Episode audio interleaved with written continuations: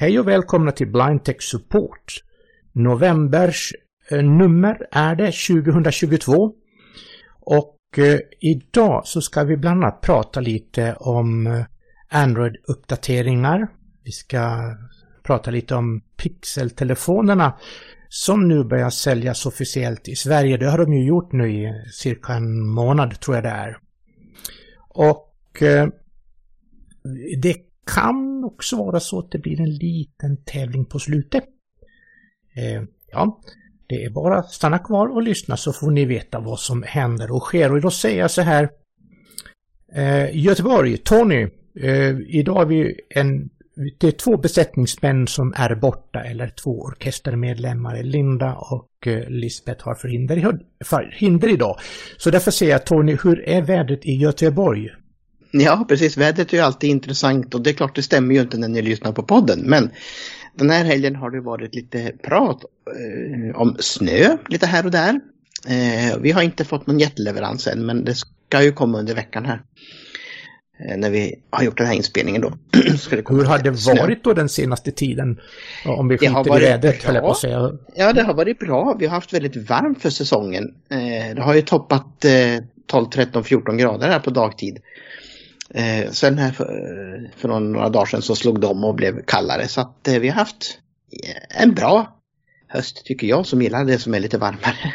Mm, mm. Jag är inte så förtjust i det här som är under 20 grader plus. Jag tycker det är för kallt för min smak. Men ja, nu bor vi här och då får vi gilla det. Så. Precis. Och på teknikfronten något, så... nytt, något nytt och spännande Tony? Nej, det är faktiskt väldigt lugnt på teknikfronten här. Och jag skulle säga det att hör ni någonting som kanske väsnas i bakgrunden så håller man på och byter hissar i det här huset. Eh, och man har tydligen fått tillstånd att jobba på söndagar också. Eh, så att det är rätt väl så kanske det är någonting som brötar på i bakgrunden här. Eh, nej, tekniken är väldigt lugnt. Eh, jag har uppdaterat mina, min telefon, Android-telefon till senaste Android. Och det kommer vi att prata om lite längre fram här. Eh, Android och Samsungs U... Det är svårt att säga det här. One UI eller ja, något sånt heter det.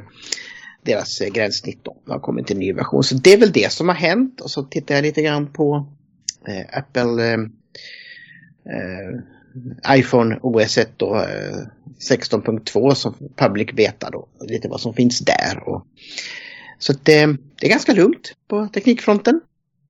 Tycker jag. Och Mattias då i Vaggeryd? Jo, det är väl eh, snö och vinter här också. Eh, det kom i år igen. Eh, lika chockerande för alla som vanligt. Men eh, ja, eh, vädret åt sida så har det väl hänt en hel del här.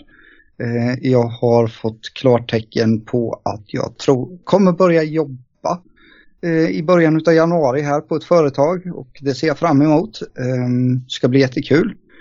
Och eh, teknikmässigt sett så jo då, självklart har jag väl köpt lite nya prylar. Eh, annars så är det ju inte eh, livet okej okay om man inte köper lite nya prylar. Så att eh, det finns lite smått och gott att berätta om här så småningom. Så spännande, så spännande. Ja, med det, detta sagt så är vi då klara för start. Nu åker vi.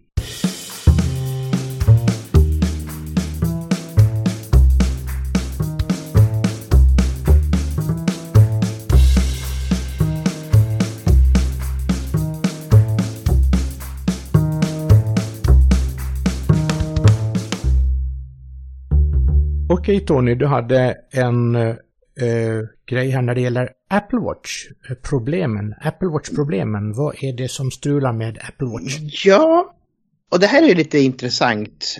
Eh, för det är inte alla enheter som, som råkar ut för det här. Så frågan är om det är eh, Apple Watch 7 som har de här problemen eller om det är eh, vissa, vissa enheter i en serie eller något. Eh, läser man på Applebee's så kan man se att det finns några till som har samma bekymmer. Och bekymret är ju då att om du har en lösenkod på den här enheten eh, och så stänger du av den helt och hållet och när du startar den igen sen så kan du inte mata in den lösenkoden med VoiceOver påslaget. Eh, det bara inte funkar. Utan då får man stänga av VoiceOver och så mata in lösenkoden. Eh, och sen slå på VoiceOver igen. Och det är ju inte plättlätt om man inte ser skärmen då. Men när man väl har gjort detta då funkar lösenkoden varje gång. Så det är just vid, vid kallstart eller vad man ska säga då som det inte funkar. Och sen om du sätter den i strömsparläge så vill inte VoiceOver navigera bra heller. Du kan flytta fingret över skärmen, du hör vad det där är. Men du kan inte svepa och du kan inte dubbelknacka på något objekt för att eh, aktivera det. Så den blir väldigt eh, slö, eller vad man ska säga. Ja, det blir den ju förstås i strömsparläget och det är helt riktigt. Men VoiceOver har, vad jag minns, inte reagerat på detta viset förut då. Eh, och Mattias, du har ju en åtta och du har inte upplevt detta vad jag förstod när vi pratade om det innan vi igång inspelningen här. Men... Jo, eh, faktiskt vid uppdateringen till eh, WatchOS 9.0 var det väl. Så upplevde jag precis samma sak. Men jag upplevde det som att VoiceOver inte startade. Utan att det var där problemet var. Ah, okay. eh, att man eh, inte eh, jag kunde förflytta mig runt vad jag förstod som. Jag fick lite klickljud och något haptiskt eh, tillbaks. Men kunde ju då inte veta vart någonstans jag var eftersom VoiceOver inte pratade i det läget. Eh, det vad heter det, ställer ju till en hel del. Men eh, sen 9.1 kom, eh, alltså uppdateringen där efteråt, så har det inte varit några bekymmer på min eh, serie 8.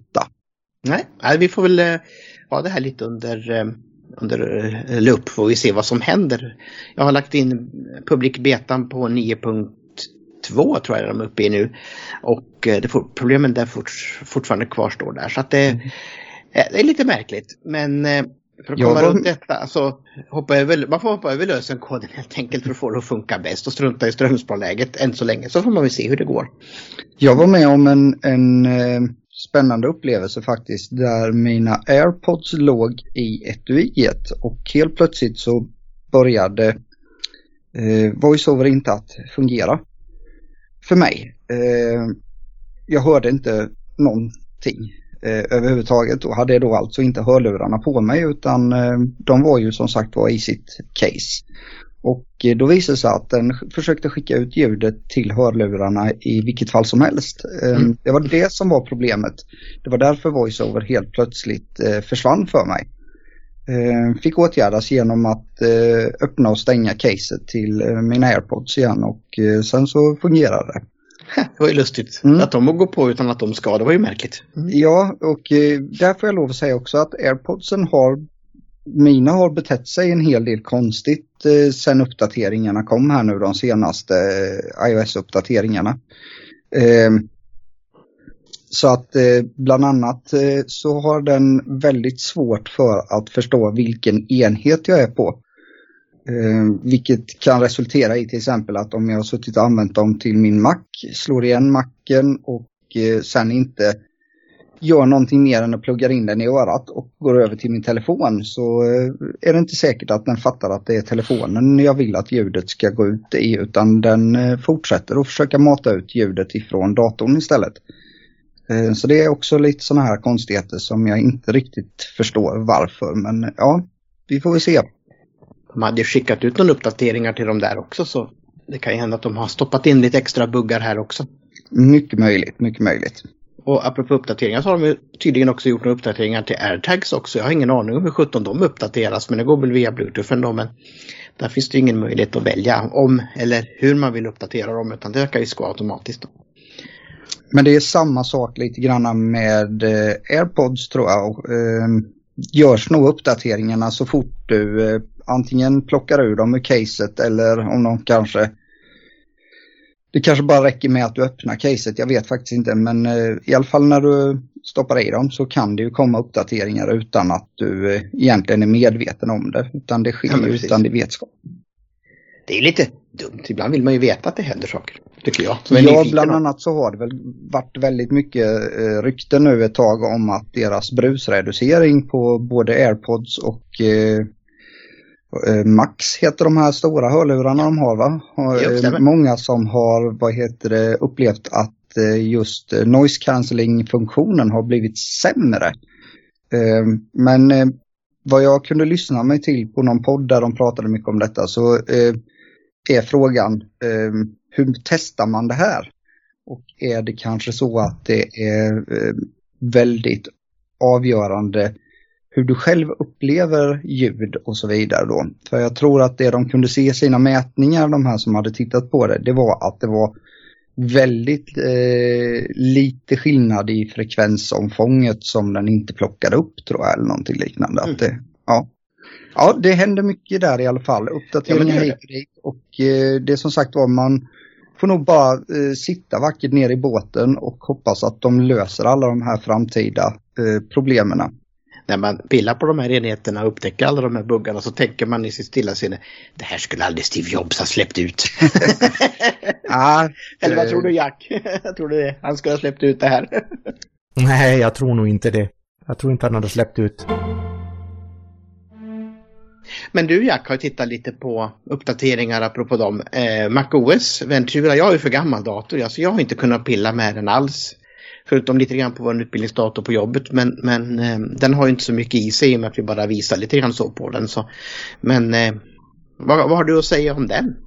Ja, vad jag har att säga om, om eh, eh de här uppdateringarna det är att det, eh, vissa saker har ändrat utseende. Inställningsmenyn, eh, jag vet inte om man kan ställa om den men eh, nu så är ju den då ställd som en tabell.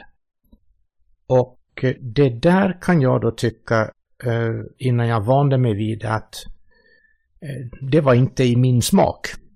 Eh, det går att hantera men det är inte i min smak. Däremot det är ju väldigt ju mycket en... mer väldigt mycket mer likt eh, iOS på det sättet skulle jag vilja säga.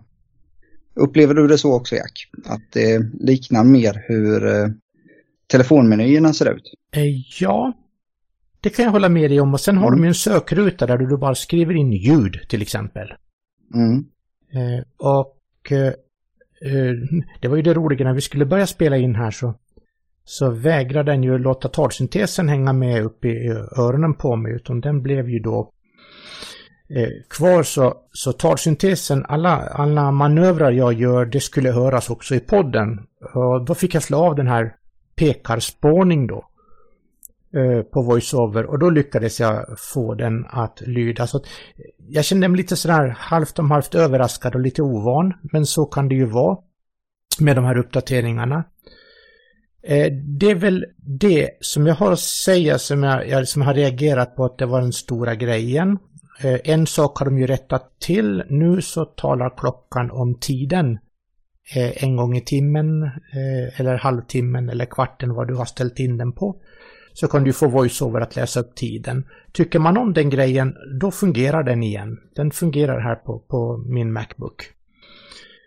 Eh, och eh, så det, det tycker jag var positivt att det kom tillbaks för jag kan ibland, jag inser ju ibland att ibland blir det kanske någon timme för mycket vid datorn. Så det är bra att bli påmind om att, att tiden går. Ehm, det om detta och sen har du då en grej då som det har pratats mycket om, blickfång. Den har ett engelskt namn också som jag inte kommer ihåg nu förstås. Ja, det är Stage Manager. Stagement, tack. Ja. Och eh, för att få den att fungera så var jag då tvungen att gå till eh, den här kontrollpanelen. Eh, VoiceOver plus Shift plus O så öppnas den och där finns den här blickfång och då fick jag kryssa i den där då så att att eh, det ska börja fungera. Men jag fick också då gå till VoiceOver och skapa ett kommando då för att få den att, att eh, så att jag lätt kan hitta den. Och ja, tycker man om Lullull så är det väl kul. Ehm, annars så går det ju lika bra med den här fönsterlisten, eller fönster, eh, jo, fönsterlistan och programlistan som finns då. Där du kan lista alla öppna appar, alla öppna fönster och sådant. Det finns ju den möjligheten. Det är en gammal klassiker som har funnits med så länge som jag har suttit på, på Mac-plattformen.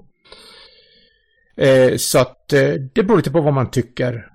Eh, jag har nu börjat vänja mig vid att använda blickfånget och, och märker ibland att om jag har minimerat eh, mina fönster och program och sådant, då talar den, då säger den bara blickfånget är tomt, säger den. Eh, så det är lite sådana här små luriga grejer då. Men annars så har det rullat på förvånansvärt bra. Jag har haft nästan inte några problem alls utom eh, för nu då idag när vi skulle spela in då. som den då eh, krånglade med det här med att jag inte fick med mig talsyntesen utan den låg och skrek i, i datorns egna högtalare då. Men nu är det borta så att nu gnäller vi inte längre. Så att eh, det är väl ungefär de funktionerna som jag har hittat. Det finns säkert fler funktioner. Men det är de jag nu har stött på som jag liksom har lagt märke till att här är de och nu får du vänja dig vid det här. Jag har för mig att det där med ljudet som du nämnde nu, jag har för mig att det även finns någon sån där variant av bugg i den MacOS-versionen jag har då. Eh, som är en, en, eller två steg bak, just när man ska välja ljudenhet och att han är lite busig där. Att han inte vill ta det alla gånger. Ja, Stage Manager har ju fått eh, väldigt blandad eh, kritik vad jag har förstått som. Eh, den eh, är tydligen väldigt trasig på eh, iPadOS.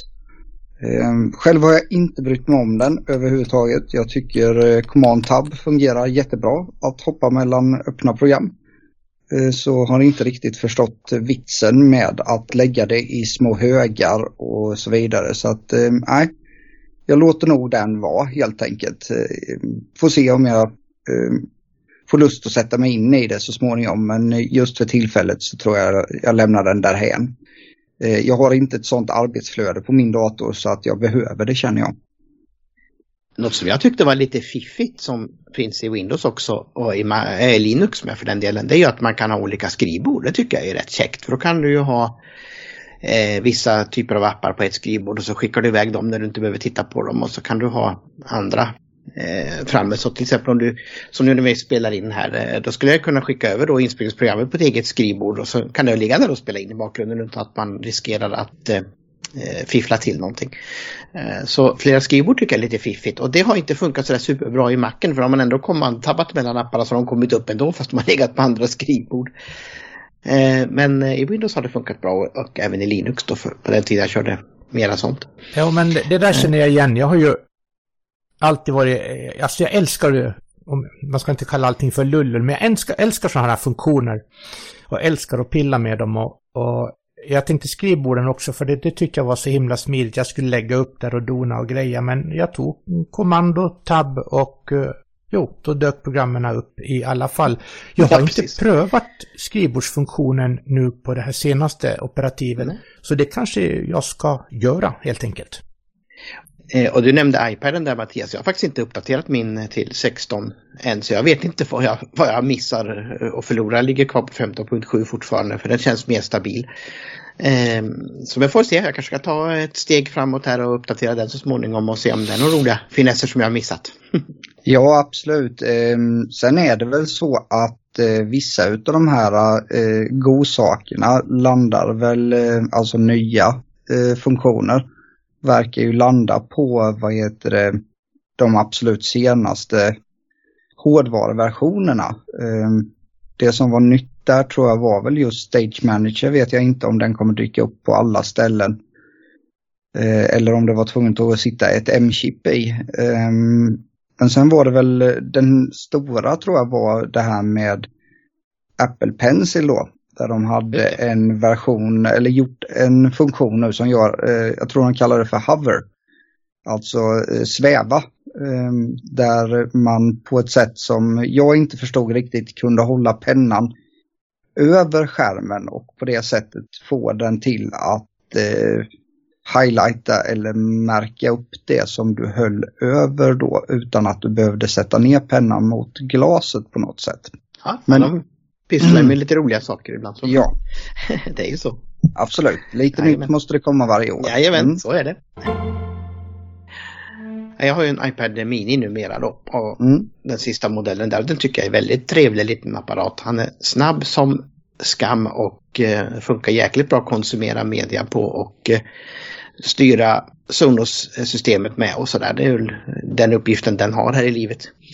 Eh, och lite sociala medier och lite sånt där. Så att jag, jag har inte dykt jättedjupt i, i operativet på den där. Men, men det jag har den till funkar alldeles utom förträffligt. Och, och personligen gillar jag ju mini-storleken eh, väldigt bra. Alltså jag har inte så mycket nytta av den stora skärmen. Så jag tycker de där små rackarna är väldigt trevliga när de då har lite processorkraft bakom sig också. Det hade ju inte de gamla minierna som jag haft en gång i tiden. De var lite slöare än de större. Eh, och eh, då, då var det inte lika roligt men Någonstans Nej, i hyllan det... finns den första minin som de gjorde. Den tror jag finns kvar här uppe i en hylla någonstans. 2012 eller 2011 när den kom. den är väl lite prisvärd om man jämför att man måste upp lite i tumstorlek på sin mobiltelefon så är du ju hänvisad till eh, Pro-modellerna.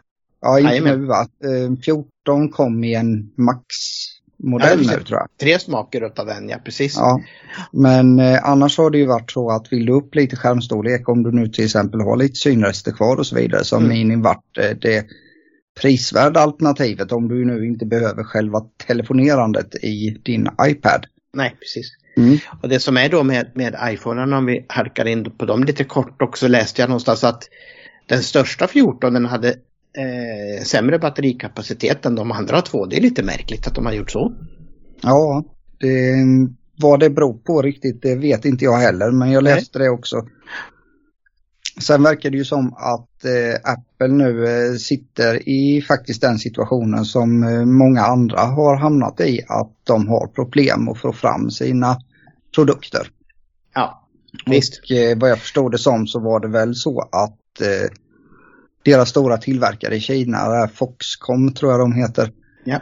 har alltså problem med eh, Alltså ja. att det var en av de stora anledningarna till att eh, de eh, vad heter det, inte får fram tillräckligt många telefoner. Nej, de har ju väldigt hårda covid-regler så det minsta någon hostar ordet virus så stänger de fabriken typ. Så att, Ja och sen så är det väl så också att, och det är väl ganska allmänt känt egentligen att arbetsförhållandena på de här eh, Foxcom-fabrikerna eh, kanske inte är det absolut bästa. Eh, så har jag förstått det som i alla fall när man Nej, har läst på lite grann att eh, det är lite problematiskt fortfarande i, i Kina med hur mm, de behandlar sin arbetskraft. Mm. Och så säljer väl Max-modellen var det som sålde lite dåligt också, eller var det Pro? Nej, det var väl Max tror jag som sålde lite dåligt också. Så att... Ja, iPhone 14 Max tror jag sålde dåligt. Pro-telefonerna mm. tror jag har sålt väldigt, väldigt bra. Men eh, då har du det bekymret att det är de som de har svårt att få fram. Exakt. Mm. Och då kan man ju ställa sig nästa fråga. Varför måste man då ha tre modeller? Kan man inte ha den vanliga och en Pro då? Ja, det är ju intressant. Nej, det är ju intressant faktiskt. Ja. Ja, det, jag tror att det landar lite grann i, för är det så att den här Pro Max, där har de maximerat ut både skärm och batterikapacitet och så vidare. Och den som bara heter Pro, den är väl mer i storlek som eh, iPhone 10 va? Är det inte så? Ja, den vanliga 14 är ju 6.1. Mm. Ja, jag vet inte. Jag, nu, jag kommer inte ihåg de andra storlekarna. Var på Pro-modellen där, men... Eh, Nej. Ja. För att det kan ju, det kan ju hända... jag kan ju se det som så här att den enda anledningen till att skaffa, för min del, en eh, Pro Max, det skulle väl vara för batteriet. Men å andra sidan så vill jag ju inte ha en liten resväska för att få med mig min telefon. Jag är svårt Nej, att den går ner i en vanlig byxficka längre. Va? Så att eh, det, det har gjort att jag har avstått från de här riktigt största modellerna. Mm. Jag tycker det är jättesynd att de inte gav mini iPhonerna mer kärlek. Det var 13 mini är den sista som finns. Ja, just det. De skulle ha gett den lite mer kärlek och stoppat i eh, någon tusen milliampere starkare batteri i den. Eh, så, så hade den varit en väldigt bra konkurrent för den går ju ner i hyfsat små byxfickor. Ja, det, det, det, är jättekonstigt. När man lyssnar på de här amerikanska poddarna som jag lyssnar på så är det ju så att de är ju fascinerade över att Apple ens en gång eh, försöker gång på gång och göra en minimodell eh, eftersom det helt, det visar sig att den säljer inte tillräckligt Nej. mycket. Och jag tycker det är lite lustigt för att folk säger ibland att de vill ha lite mindre telefoner. Ja, men tydligen så är det så det. att eh, den normala konsumenten går in och tittar på störst skärm för bästa pengen. Och eh, det är det som funkar tydligen när du ja. Eh, väl står där i butiken. Ja, det är lite spännande för att jag minns ju när jag började med mobiltelefon 1994 så då var det ju, då hängde den ju i byxfickan i, i bältet. En stor kluns var det ju. Ja. Och sen blev man ju så glad när de här små eh, pyttesmå telefonerna kom för de kunde man ju bara smussla undan i vilken byxficka som, som helst så att säga. Så att då kan man ju känna så att ja men vad kul med en, en liten eh, telefon. Men jag har ju kommit på en annan grej då som blir avgörande för telefon och det är ju också, kan man få plats med två händer som skriver punktskrift på telefonen samtidigt. Eh, så skärmen får ju inte bli för liten för då blir det ju trångt om man ska skriva punktskrift på skärmen. Alltså an användningen av en liten telefon tror jag skiljer sig väldigt mycket också. Eh, jag tror att en person som kanske har en liten telefon ringer mer samtal än den gör någonting annat på sin telefon. För där kommer du återigen till det här problemet med liten skärm, litet innehåll, mycket scrollande, eh, liten text i förhållande till eh, skärmstorleken och så vidare. Och eh, jag tror att många som eh, kanske köper en, eh, köpte en Mini eh, helt plötsligt upplevde att vänta lite, jag ringer inte så mycket men jag sitter och tittar väldigt mycket på skärmen och då är den för liten helt plötsligt. Ja, och lite för klen i mm. batteriet där också. Om man kör mycket YouTube-klipp och sånt där. Mm, så, mm. Eh, ja, jo, ja, men det finns ju det, det finns ju en poäng. och Jack har ju helt rätt i det här med punktskrift också. Det funkar ju bra på en Mini också. Eh, minns inte hur det gick på iPhone 5. Eh, den var ju rätt liten, den var ju 5 tummare. Jag kommer inte ihåg om det gick att skriva punktskrift på den också. Bra att man fick plats med fingrarna. Jag minns inte när det där kom, det där att man kunde Nej. skriva punktskrift, eh, punktskrift på dem. Det, det har jag glömt bort när det kom. Och gör man nu en sån här riktigt dålig P3-övergång så kan man ju säga det här med att skriva kan ju vara lite tufft ibland om man har svårt att lära sig tangentbordet på en dator och, och, och tycker att åh det är svårt och jag skriver inte så jättemycket och måste jag lära mig det här tangentbordet? Eh, och då finns det ju faktiskt en funktion i Windows för att göra ett riktigt lappkast här nu. Och då i Windows så kan du eh, numera då i Windows 11 framförallt så kan man diktera in text. Och det här funkar faktiskt riktigt bra. Um, om du inte har alldeles för um, utpräglade dialekter och så, då har den ju svårt för att um, ta det. Men vanlig riksvenska, eller vad vi ska säga, kan funka. Uh, och då har du kunnat gjort det här tidigare i Office. Om man haft en Office 365-prenumeration så har det ju funnits i Word och det har funnits i Outlook. Eh, att du kan diktera in dina, dina dokument och text. Men nu i Windows 11 då så kan du göra det var som helst. I vilket textfält som helst. I anteckningar, i, i eh, webbsidor eller var som då. Och för att starta detta så trycker man Windows-tangenten plus H som Helge. Eh, och första gången så får man ju vill bara bekräfta tror jag att man ska göra detta med, med en, lite licens och sånt där med, eh, som det brukar vara. Man ska bekräfta en funktion. Sen behöver man inte göra det mer. Utan trycker man Windows H och så läser man det man vill. Man kan eh, sätta kommatecken, punkt om man säger det då. Punkt, komma och eh, ny rad funkar också. Eh, och sen när man är klar så kan man trycka på vilken tangent som helst. Till exempel kontroll eller mellanslag eller vad som. Då går han ur det här läget då. Eh, det enda lilla, lilla eh, problemet vi har med detta det är ju om du kör skärmläsare och så har du högtalare till den då så att du hör talsyntesen. Eh, då läser ju JAWS till exempel då vad du har skrivit. Och det tycker dikteringen att ja men det vill jag också ta upp. Och så då blir det liksom lite dubbelt här och där och eh, ibland kan man till och med ha sån otur att man hamnar i en loop med den själv, att den står och pratar med sig själv ett tag där. Så för att få det att funka så antingen slår man av talsyntesen tillfälligt eller så använder man bara ett par hörlurar så, så löser man det problemet. Eh, men det vi har testat med den här dikteringen är att den har faktiskt funkat väldigt bra. Eh, och det är mest kanske för dem då som, som skriver lite i, i, eh, i datorn. Alltså man kanske mest konsumerar media, man skriver kanske inte några längre texter och så utan man kanske vill skriva en hälsning till någon eller något sånt där kan ju vara aktuellt nu i jul till exempel. Om man skickar en julhälsning till någon så kan man gå in i ett mejl och diktera sin hälsning då istället för att skriva då. Så det, det, funkar väldigt bra. Och det finns bara i Windows 11 då. I Windows 10 finns det också men då finns det inte på svenska. Det finns det bara på engelska.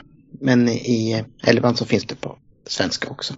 Spännande den, den funktionen. Nu när jag vet vilken, vilket snabbkommando så kommer jag ju att prova det i alla fall. Ja, och det här har ju mm. funnits på Mac OS väldigt länge. Att du kan diktera där också. Och mm. jag vill minnas att det har varit väldigt bra där också. Jag har ju aldrig varit någon som använt diktering sådär jättemycket i mitt liv.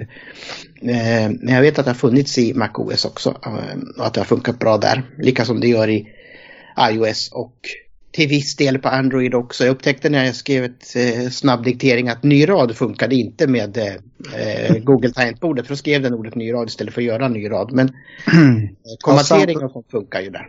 Sambon säger det att eh, iOS emellanåt eh, skriver ut punkt och komma. Och ibland så plockar den upp tecknen. Ja, det är lite så som eh, Google gör på telefonen Mm. också. Däremot så vet jag det att eh, där står det väl klart och tydligt tror jag att eh, just den här biten med punkt och komma och sånt om du dikterar i Apple Watch inte fungerar annat än på engelska. Ja, så kan det vara. Mm. Så Jag där finns inte den funktionen. Nej. Nej, och eh, på eh, Samsungs Android-klockor så finns inte svenska överhuvudtaget än vad det gäller diktering eller Google-assistenter. Och det har de lovat att det ska komma. Men ja, så fort jag gått in och testat så säger man nej, nej, nej, stick, det finns inte på ditt språk. Så, eh, så att eh, där har det inte kommit än. Och så där har jag inte kunnat prova hur bra den är på det. Men, Mm. eh, så så ligger det till med detta med di- diktering. Jag hade ett litet uppdrag där jag behövde göra en skärminspelning så att då kastade jag ut frågan till Jack och Tony här och ni kom med ett bra svar där om hur man gör en skärminspelning i Windows. Ja, men det, det gjorde vi. Och Jack kom ju eh, omedelbart med ett svar och jag hittade en artikel då som jag eh, lägger länk till i våra show notes här också. Eh, men du Jack, du var snabbast på bollen. Ja, ja det kanske jag var. Eh, jo, jag, var, jag, jag eh, har tittat lite på det där för jag tycker det var en liten kul grej. Eh, dels, alltså allt sånt här gillar ju jag som, som gör saker och ting och jag tänkte så här att jag undrar hur sjutton man skulle göra det då. Så jag googlade hastigt som tusan för att se att mina kunskaper stämde och nu ska vi se om jag kommer ihåg vad jag skrev till er igår för det var Windows tangenten plus G för att komma till den där menyn med, med, med skärminspelningar och sånt. Och sen så skulle man slå Windows-tangenten Alt plus R för att starta skärminspelningen. Och det var ungefär så långt som jag kom. Och det var nog ungefär i den stilen jag skrev också till, till eh, eh, dig Mattias då på vår Mm, gemensamma chatt. Mm. Sen vet jag faktiskt ärligt talat inte hur det fungerar för jag hann aldrig testa det. Eh, och jag har inte hunnit än. Nej, och det finns en liten artikel där eh, på någon av våra datortidningar, nu minns jag inte vilken det var jag hittade, som faktiskt var väldigt bra då. Så att jag länkar till den då i våra show notes, därför står alla de här kommandona precis där. Eh, och jag har ju sett den här funktionen i, i- Windows 10 då. Jag undrar inte till och med att den kom redan av Windows 8. Men jag har ju bara ignorerat den fullständigt för att jag kopplade ihop den då med eh, Xbox Gaming, alltså den här gamebaren som finns i Windows där du, när du spelar spel och att man kunde streama eh, när du spelade spel och sådana saker då. Men så därför så ignorerade jag den där där och då. Men tydligen så funkar den då att spela in alla program som man använder på datorn då. Så Ja, eh, och, det var ju eh, lite fiffigt faktiskt. Finessen var ju att den eh, då även la sig i ett eh, ganska bekvämt format tror jag. Den la sig i MP4-formatet. Ja. Vilket gör att den är ganska lätt att eh, dela. Eh, och eh, både publicera och dela. Så i eh, möjligheten för utbildningssyfte där att faktiskt kunna få lyssna och se på hur man tar sig fram i ett visst program eller på webben eller något liknande eh, tror jag kommer vara jätteanvändbart för oss som behöver eh, ja, hjälp med detta helt enkelt. Ja, men det är det. Eh, Jag tror alla gånger på det för att, att det är det här som har varit lite svårt ibland att, att förklara. När man har eh, försökt förklara att ja, men det funkar inte det här programmet för mig. Jo, jo, jo, men, men du, du hör ju väl vad den säger? Ja då, så jag, men det funkar inte. Och nu kan man ju då faktiskt visa att det här, när jag gör så här, då, då sticker muspekaren iväg och lägger sig någon annanstans eller något liknande. Vad som nu än händer på skärmen så är det, tror jag, lättare att få ut en förklaring. Så det är inte så tokigt. Jag har varit riktigt glatt överraskad när jag började förstå vad den här funktionen faktiskt var till för. Japp, ja, den är jättebra. Och det finns ju på iPhone också. Eh, och det finns ju säkert på MacOS också vill jag minnas. Eh, och det finns på vissa Android-telefoner också. Jag vet inte om det finns på alla men Samsung har åtminstone eh, en skärminspelning som man lätt kan dra fram via den här snabbpanelen då. Eh, samma som eh, kontrollcenter i, i iOS där. Eh, och det är ju jättebra när man ska Eh, dels som i det här fallet man ska visa saker eller när man spelar in instruktionsfilmer som, som jag har varit med och gjort då. Då har vi använt skärminspelningen på iPhone då. Eh, och... Det är lite spännande att se när jag provar detta om eh, ljudet fungerar bra ifrån eh, JAWS i det här fallet då, att jag får med det. det ordentligt. Eh, det kan jag säga var nackdelen när jag provade detta med skärminspelning på min Mac. Det var ju det att eh, jag vet inte om det beror på att högtalarna är placerade som de gör kontra mikrofonen. Eh, så blev ljudet eh, från talsyntesen väldigt låg. Alltså det var svårt att få upp ljudet. Även om man maxade eh, voiceover-ljudet så blev det ganska lågt. Jag tror att du Jack också upplevde det när du gjorde någonting där att det var svårt att hitta en bra ljudbalans där. Ja, det stämmer. Jag har inte gjort det med det nya operativet Venture här. Men, men jag ska faktiskt ta och göra det en gång till. Och eh, det borde jag kunna eh, berätta om i december, numret. Eh, hur det tar sig. Men visst, 17 är det så. Så ja. att jag ska, jag ska undersöka och ber att få återkomma helt enkelt så vi kan ge ett, ett bättre svar än det jag gav nyss. Ja, Skärminspelningen på iOS är ju klockren på att plocka upp voiceover. Men där ja, är nackdelen då i det fallet att den inte plockar något annat ljud. Eh, så där kan du nog sitta och vissla samtidigt och den kommer nog inte plocka med det ljudet utan då tar Nej, bara voiceover-ljudet. Och eh, då har du en nackdel till exempel när du vill göra en eh, liten instruktionsfilm kanske för hur du hanterar eller tar det fram i en meny. Det är oftast mm. det det handlar om kanske, eller göra en specifik inställning som du vill hjälpa någon med. Det är ju att du inte kan lämna något eh, kommentatorspår i det här också då. Alltså att du kan förklara med, eh, vad heter det, med din egen röst hur du beter dig utan du får bara voice-over chatträtt. Just det, då får man ju i så fall lägga till ett ljudspår i, man får ta in det i ett redigeringsprogram och lägga på ett ljudspår i så fall. Eh, det var så det vi gjorde när vi gjorde de här. Det är lite överkurs, för det var så vi fick göra när vi gjorde de här för Kultur i Väst som de inte heter nu, de heter något annat nu. De döpte om sig, den kulturförvaltningen då. Eh, och då gjorde vi lite eh, instruktionsfilmer för bland annat bibliotekarier då, hur det här funkar med voiceover och så. Eh, och då gjorde vi då spelade vi in med en kamera och mikrofon och sen så gjorde vi även skärminspelning och eh, på något sätt så fick de ihop det där. Eh, så de fick med bägge ljuden där. Fråga mig inte hur de gjorde men jag visste att de gjorde två ljudspår. Eh, och, och, det är så man får göra då. Mm. Och det är samma tror jag på Samsungen också. Jag tror inte att eh, Antingen om det var talet eller mikrofon som inte gick med på den heller. Men eh, det här i Windows måste vi testa för det stod någonting nämligen om mikrofon och så vidare i den här artikeln som jag hade till Ja, tanken vad jag förstår det som så var det just för gamingens skull ja, som den här dök upp. Sen att den går att använda överallt i eh, Windows eh, är ju bara positivt. Men eh, där eh, fanns det väl en väldigt stor svensk sån här youtuber.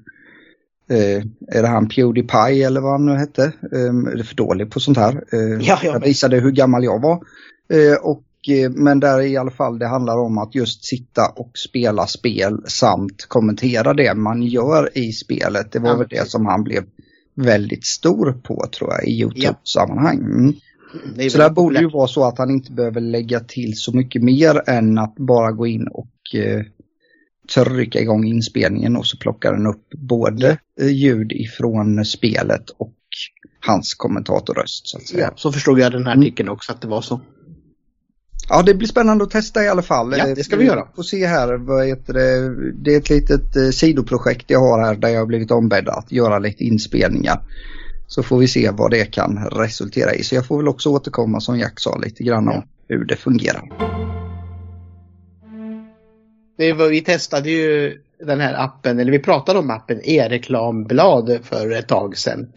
Eh, och vi fick ju faktiskt respons från utvecklaren också att han tyckte det var lite roligt att vi hade pratat om den. Och det tackar vi för.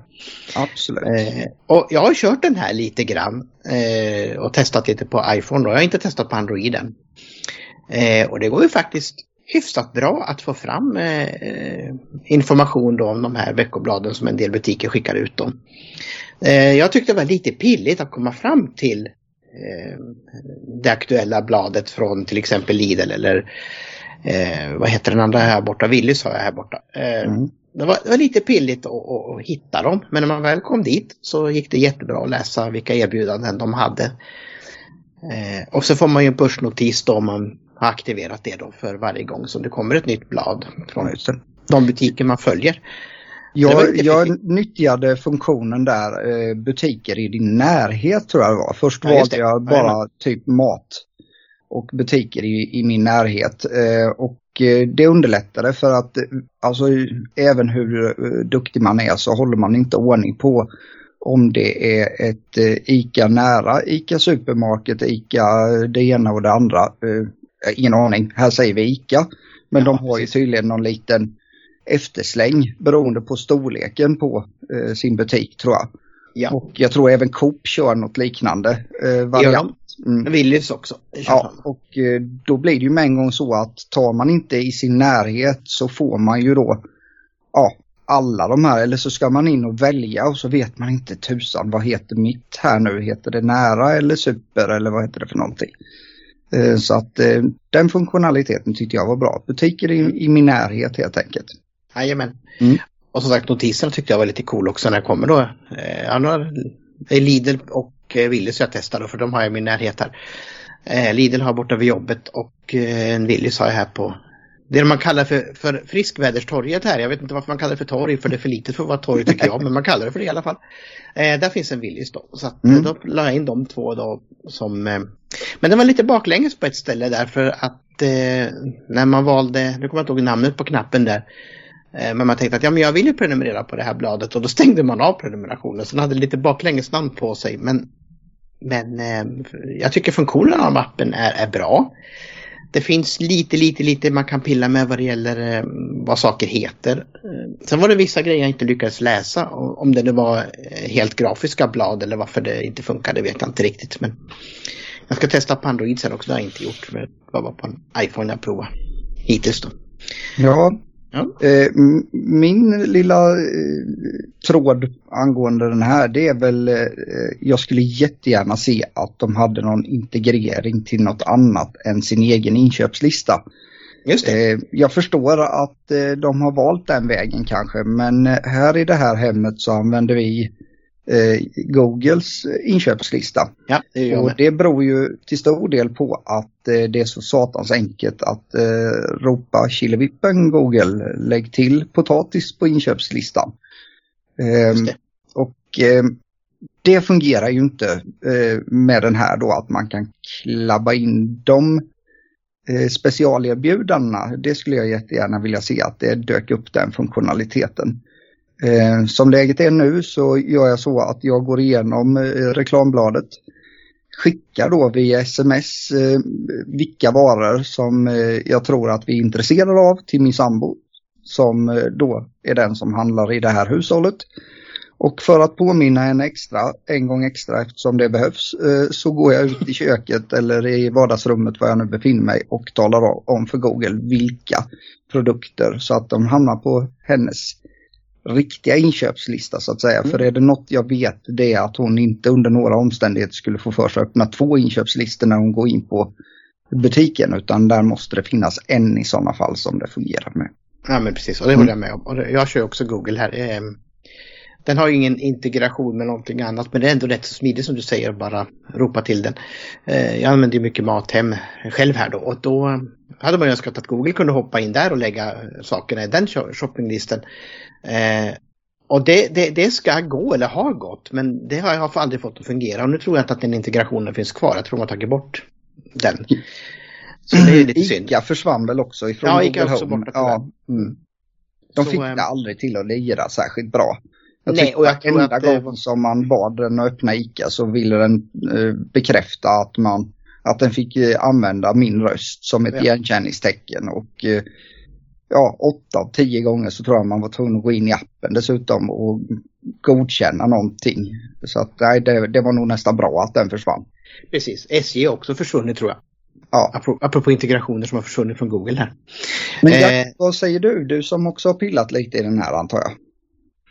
Ja, jag tycker ju att eh, alltså det, det första intrycket jag fick när jag drog igång den här appen, det var liksom den glädje över att, ja men 17, nu kan man ju faktiskt, man är nästan 60 år, 60 år gammal, för jag, det var innan jag fyllde 60 som jag hann sparka igång den här appen, kan man ju 17 läsa reklamblad helt plötsligt. Eh, allt det som man har burit i soporna och aldrig haft någon möjlighet att ta del av, ja, om man har haft någon läskunnig hemtjänstpersonal då förstås.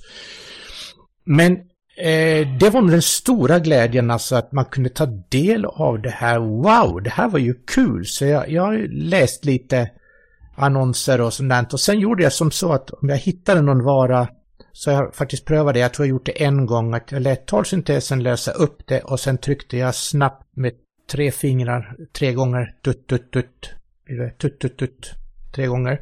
Och då kopieras ju talsyntesens uppläsning till klippbordet och sen kan man klistra in det i ett meddelande om man vill vidarebefordra det då till familjen eller, eller om man Ja, klistrar in det direkt i, vi delar ju Apples anteckningar, delar ju vi gemensamt i familjen här om någonting tar slut.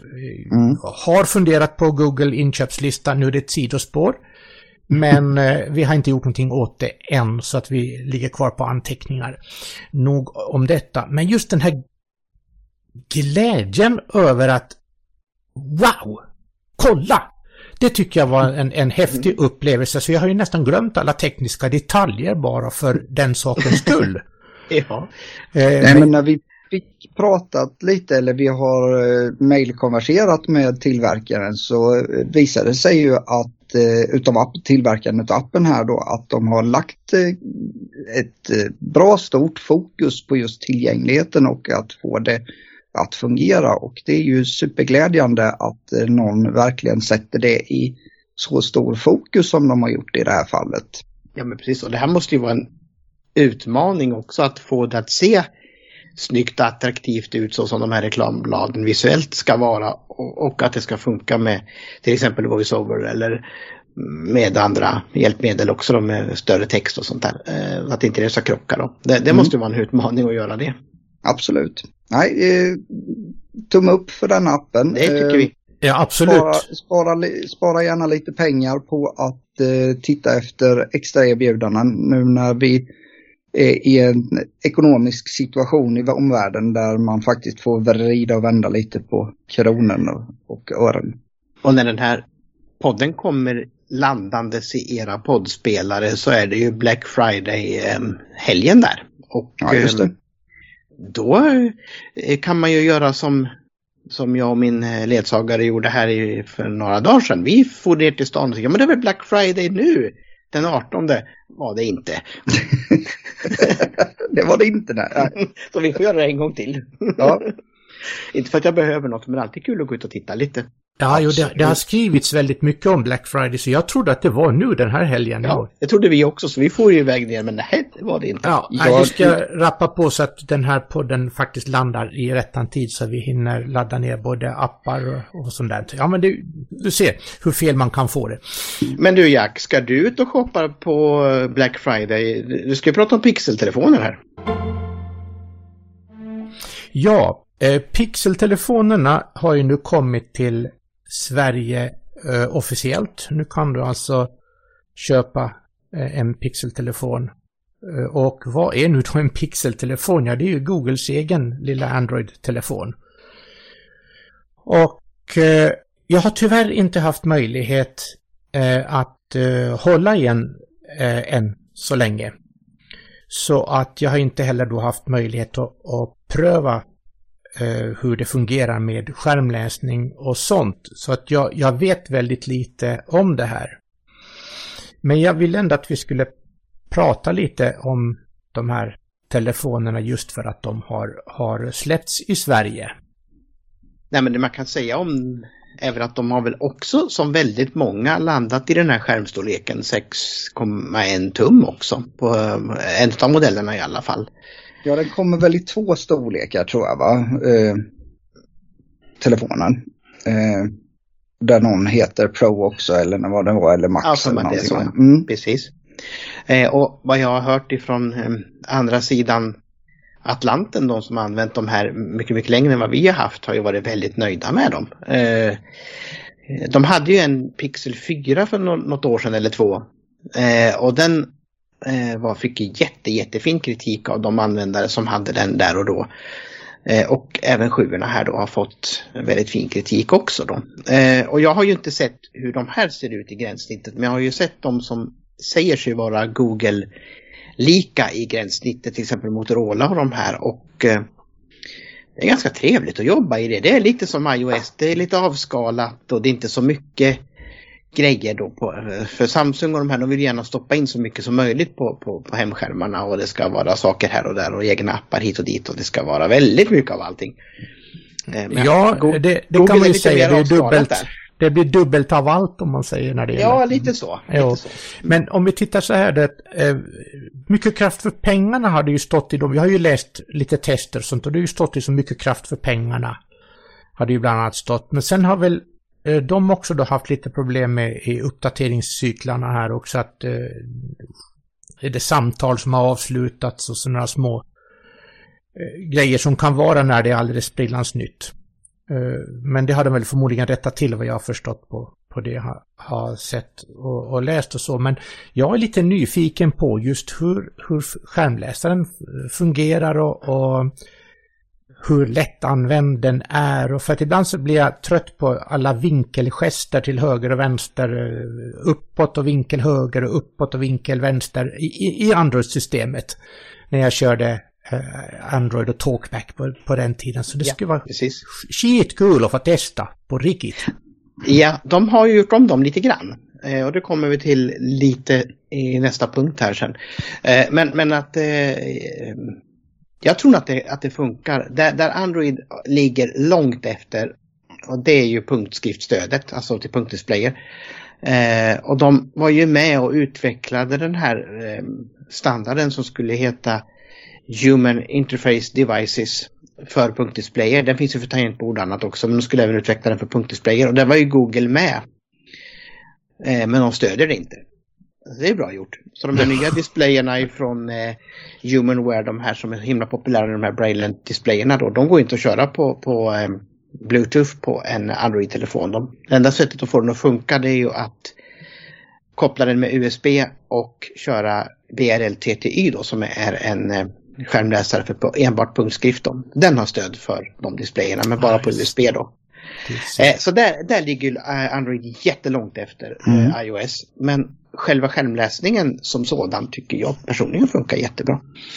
Det som är fördelen med Google-telefonerna mot många andra Android-telefoner är väl det att eh, du kommer få de, sen, eller de senaste uppdateringarna väldigt snabbt. Och ja, så är det. kan jag tänka mig.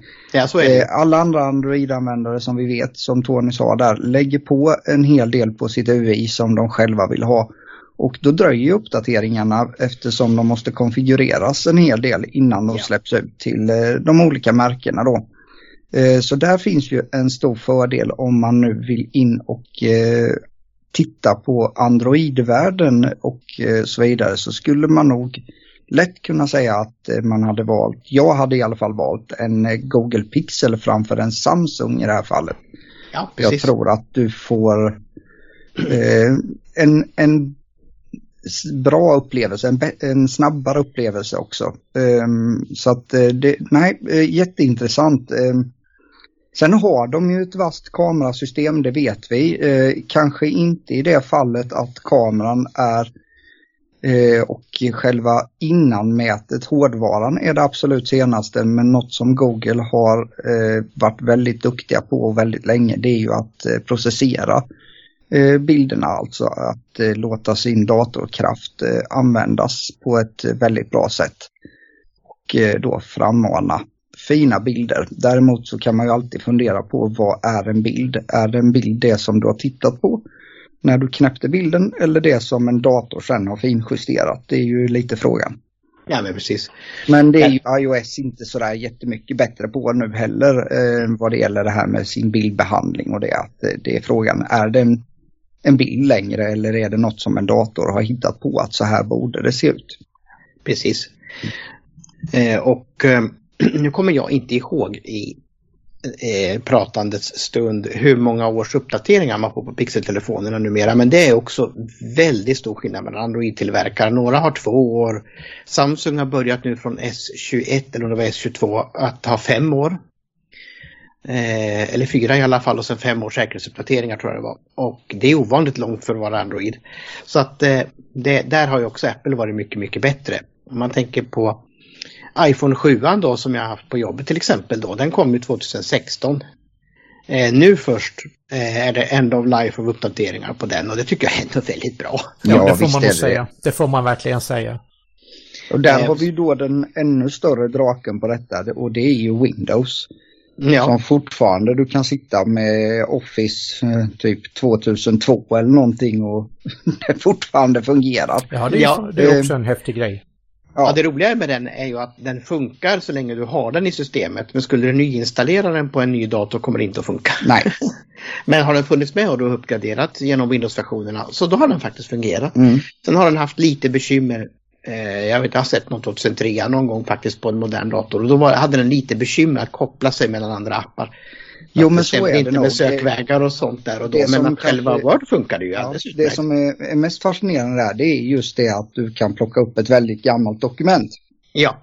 Och fortfarande kunna läsa det då Precis. på ett vettigt sätt. Ja, så är det. Eh, och eh, även som sagt den gamla programvaran kan fungera fortfarande men det är inget man kan nyinstallera och aktivera idag, det går inte. Nej, och det är väl ingenting att rekommendera att göra det heller. Eh, funktionaliteten Absolut. blir ju bara bättre och framförallt så är det ju så att det handlar ju om en del om säkerhetsuppdateringar och så vidare också som gör att du utsätter din egen dator och eh, kanske framförallt andra, andras datorer för eh, smittspridning helt enkelt om du sitter på för gammal programvara. Så kan det vara. Mm. Så kan det vara. Och det är ju det som har varit problemet då med diverse Android-telefoner då, att de har haft väldigt kort livslängd. Mm. Eh, och det tycker jag är lite synd med tanke på miljö och alltihopa det här. Men, men vi får hoppas att det blir bättre också med eh, både tillverkare och användare blir mer miljötänkande så kanske det här kommer bli bättre där också. Det får vi verkligen hoppas. Eh, det, det som är lite intressant då, eh, som, eller som jag då tycker är spännande, att just en, en Android-telefon har ju så många olika variationer på, på inställningar.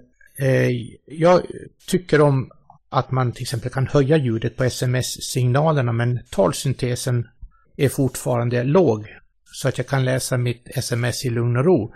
Det kan ju få en, en intressant effekt då när vi pratar Android-telefoner för det hände min Samsung-telefon. Uh, Åsa skickade ett sms till mig en kväll för länge sedan på Android-tiden och hon har en iPhone och uh, kom hem och var lite småputt över att det inte fanns kaffe på bordet. Som överenskommet enligt meddelande. Och det kan jag förstå. Men uh, jag slog på stör ej och så som det var ordnat då så hade Åsa Åsa då eh, företräde, så hon kom ju igenom stör ej. Och jag hade också sett till att eh, signalen var ganska högljudd för den skulle höras när jag var ute på gatan och gick på stan och så här. Så. Och bredvid mitt öra så låg lilla telefonen och så precis som telefonens egen husse. Var på vid fyra tiden då kommer Åsas meddelande fram. Mm. Och eh, då satt man ju rakt upp i sängen alltså. Det fick en sån effekt då. Så det är inte alltid eh, som det kanske är så bra. Eller ännu, eh, det som också kunde hända att man satt och lyssnade på någon, något långt meddelande eller någon, någon annan text man läste på telefonen och mitt uppe mm. så fick man sms och då lovar jag att då reagerar man ju också. Så att ja. Jag kan tänka mig att det har lite också med hörselskada eller vill säga, man vill alltså skydda sina användare från just bullerskada som man har gjort att eh, oftast har ju talsyntesen, talsyntessljudet och eh, meddelandeljudet ungefär sam, eh, samma ljudnivå på det ja, hela precis. så att säga. Ja, så har ju Apple det, gjort det. Det är en petitess. Ja, ja, men det får man ha. Eh, nej, men just det här med att sms inte kommer fram i tid och så, det, det, vill jag minnas att du pratade om i något av tidigare avsnitt också att eh, det har ju varit lite bekymmer med det. Ja, det Att, är eh, ju så att om Att man det ska, hänger i luften mycket. Ja, men man ska förklara det så här så är det ju så att eh, när du skickar iväg ditt sms så går ju inte det direkt till den mottagaren som du har valt utan den går ju till en server som eh, vad heter det, din telefonoperatör eh, sköter om. Ja, precis. Och det är ju där någonstans det kan bli lite trassel då om den servern i sin tur inte skickar iväg det här meddelandet och eh, det, det är ju en av nackdelarna med just sms som är faktiskt en väldigt gammal teknik nu. precis. Eh, dels att den då inte är krypterad eh, för att den hamnar ju i en server eh, som inte du har någon koll på. Den är alltså inte end-to-end krypterad. Utan den går ju då i klartext och går då att läsa ifrån den här servern. Så att ja, det, Google tittar på RCS, vet dock inte hur det går. Eh, det är ju eh, sms 2.0 kan man säga då. Precis. Det kör de. som ska vara end-to-end krypterat, alltså att det är krypterat hela vägen mellan de mottagarna då. Ehm, Apple kommer väl aldrig någonsin att stödja detta. Ehm, tror inte de ser att de har någon anledning till att göra det. De kör sitt iMessage som då också är krypterat. Ehm, nackdelen är att får du in en person i din eh, sms-konversation som inte sitter på en iOS-enhet så är ju inte den delen krypterad då tror jag. Nej, Ehm, det är den ju inte då. men där är det ju, det, det där är ju de här två drakarna som slåss om att, eh, vad heter det, ja, det handlar ju om eh, sålda enheter och Ja, eh, intjänade pengar för de här två eh, stora eh, drakarna. Eh, Ja. Apple, Google i detta fallet då. Mm. Så där ser vi nog ingen lösning på ett bra tag innan eh, de har kommit till någonting. Men eh, det finns ju väldigt mycket chattappar istället som man kan använda sig av om man vill vara säker på att det blir bättre funktionalitet, i alla fall vad det gäller krypteringen. Däremot så kan man säga det att vissa chattappar kan också dröja med att eh, presentera det du har skickat. Oh ja, det gör de. Och eh, på, på Android-enheter av olika slag Eh, så har du ju även viss mått av strömbesparing som kan vara väldigt aggressiv. Eh, och det kan göra att diverse appar inte får uppdateringarna som det är tänkt ifrån eh, till exempel en chattapp då, utan då kan det också bli hängande ganska länge innan den ens får möjlighet att snoka om det har kommit några nya meddelanden för att den är satt i strömsparläge. Eh, och det där har ju bland annat Samsung fått mycket spö för genom åren att de haft väldigt, väldigt aggressiv strömspar. Och jag tror att Huawei också var eh, en, en eh, tillverkare som man, man skällde mycket på för detta. Mm. Mm, jo, ja, men, men eh, det, det är en intressant grej i alla fall och Ja. jag kör ju lite signal. Vi får väl repetera lite om chattappar i kommande nummer. Men jag kör ju det här Jajamän. signal och så kör jag WhatsApp och så kör jag Facebook Messenger. Just nu då. Ja. Eh, Jag kör och- faktiskt bara mess eller Facebook Messenger numera för det, det hänger lite ihop med tyckte jag då, var har jag flest gubbar någonstans? Och då blev det den och Mm. då tog jag bort de andra för att eh, jag är för lat för att hålla mig uppdaterad i alla appar. Så det, det, det blev en. Jag, Det jag är är ju- glad nackdelen. notis, notiscentret, notiscentret sköter liksom den här ordningen så att jag vet att Ja. jag får in mina meddelanden. Men, men visst, det ligger någonting i det. Man måste rensa i emellanåt och, och eh, som jag har sagt i tid, något tidigare nummer här att telegram kastar jag ut av, av rådande situation Ja. i Ukraina och så. Men det är en annan sak. Det var en Ja. annan sak och hör inte hit kanske. Sen, sen hade vi väl mer där. Det var väl inte Mm. bara en telefonjack som eh, kommer utan det finns även en klocka som kommer ifrån Google med samma namn. Ja, och där måste jag säga att där har jag, där vet jag väldigt lite. Eh, Jag vet egentligen för lite för att, att öppna mun överhuvudtaget. eh, och, Ja, det eh, heter väl Pixel Watch. Det är väl Ja. ungefär vad vi vet om den eh, just ja, nu då. lite så. Man får något, jag ska ta och läsa på lite mera och se om jag kan hitta lite mera texter kring, kring just den här klockan. För att, Men eh, vet vi i dagsläget någon av oss om den också kommer att släppas i Sverige eller är det bara telefonerna som kommer? Oh, där satt du oh, på Första året fick du jag- tyst hos alla. det blir en sån här cliffhanger till Ja. nästa avsnitt eh, då eh, vi får eh, konstatera om så är fallet. Ja, jag har för mig att den är släppt också, men det där Ja. får vi ta reda på så att vi inte Någon av våra lyssnare kanske vet det och eh, kan ha vänligheten att skicka det till oss i sådana fall om det är så Ja. att Och då gör ni det på info at blindtechsupport.se. Så Jajamän. är det. Och tal om eh, Android här då. Jag har ju Samsungs eh, eh, Galaxy Watch 4 och den drivs ju av eh, Wear OS som Googles OS heter och sen en liten Samsung-anpassning uppe på detta. Och det tycker jag funkar faktiskt ganska bra. Eh, jag och Linda pratade ju om det för några avsnitt sen och eh, hennes eh, åsikt om det var ju att det var ganska långsamt att navigera i det och det är det till viss del. Den är, den är lite slö i, i, ehm, i svaret när man sveper med, med talkback på dem så kan den vara lite långsam i att svara. Det blev bättre efter en uppdatering de gjorde här i, i höstas här så vart den lite rappare. Men eh, funktionerna i den eh, tycker jag ändå funkar. Det läser ganska mycket. Nu har jag inte provat träningsfunktionerna i den då men det här vanliga man gör klocka, timer och, och, och ehm, eh, Ja, jag har till och med läst sms med den. Det funkar också bra. Jag försökte svara i telefon med den en gång men det gick inget bra alls. För den, den svarade gjorde det men den skickade samtalet till telefonen som låg i ryggsäcken så det var inget bra alls. Eh, jag gjorde nog fel där. Men eh, det är ganska bra samtalsljud i den också säger de som har hört den. Eh, när vi gjorde en liten test, jag har bekant på jobbet. Så beter sig Google-klockan ungefär i i den eh, varianten som den här gör så, så kan den nog vara helt okej. ja. Och jag tror att den är nog ännu bättre då i och med att den inte har Samsungs eh, gränssnitt på sig då utan den har säkert ett eget då. Så det ska Ja. bli kul att eh, läsa mer om den när, när vi får mer information om den här pixelwatchen sen.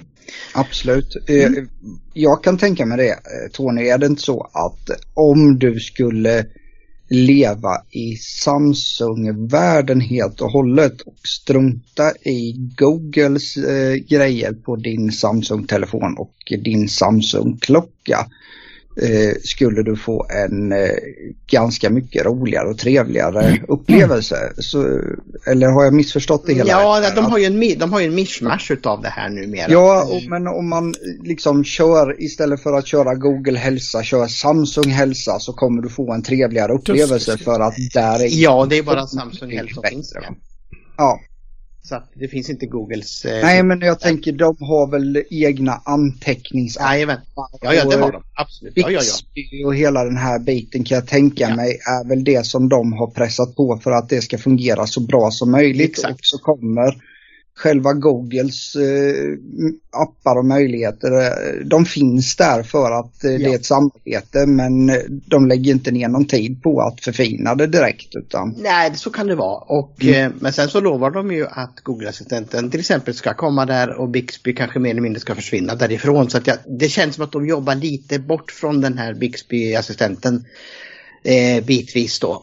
Mm. Så att jag tror att de kommer nog, de kommer att bli lite mer googlifierade framöver. För eh, de har väl kanske insett att ska vi, varför ska vi göra två av allt? Det finns kanske något bra som man kan ta från den andra. Så deras egen meddelande sms-app den är ju borta nu. Nu är det Google Messages de använder till exempel. Eh, och eh, det är någon mer Google-app som de har tagit istället för sin egen. Så att de, de eh, de, de jobbar sig bort lite ifrån ifrån att eh, göra mycket eget också. Sen funkar deras egna appar väldigt bra. Det ska vi inte snacka om. Framförallt Ja. Talkback så funkar Ja, de. den Jag som jag gillar, gillade när, när jag hade Samsungen, det var eh, den här påminnelseappen. Så att, eh, alltså hos eh, iOS-plattformen hos Apple då. Så när du går hemifrån så pipar det till. När du kommer ner på stan, kom ihåg att göra det här. Du kan ju själv skriva in vad du ska göra. Och likadant när du kommer hem, ge katten vatten. Och eh, den funkade väldigt bra också hos, eh, hos Samsung-appen. Ja, det gör den. Ja. Eh, Och det har även Google numera om man använder assistenten. Så kan man göra.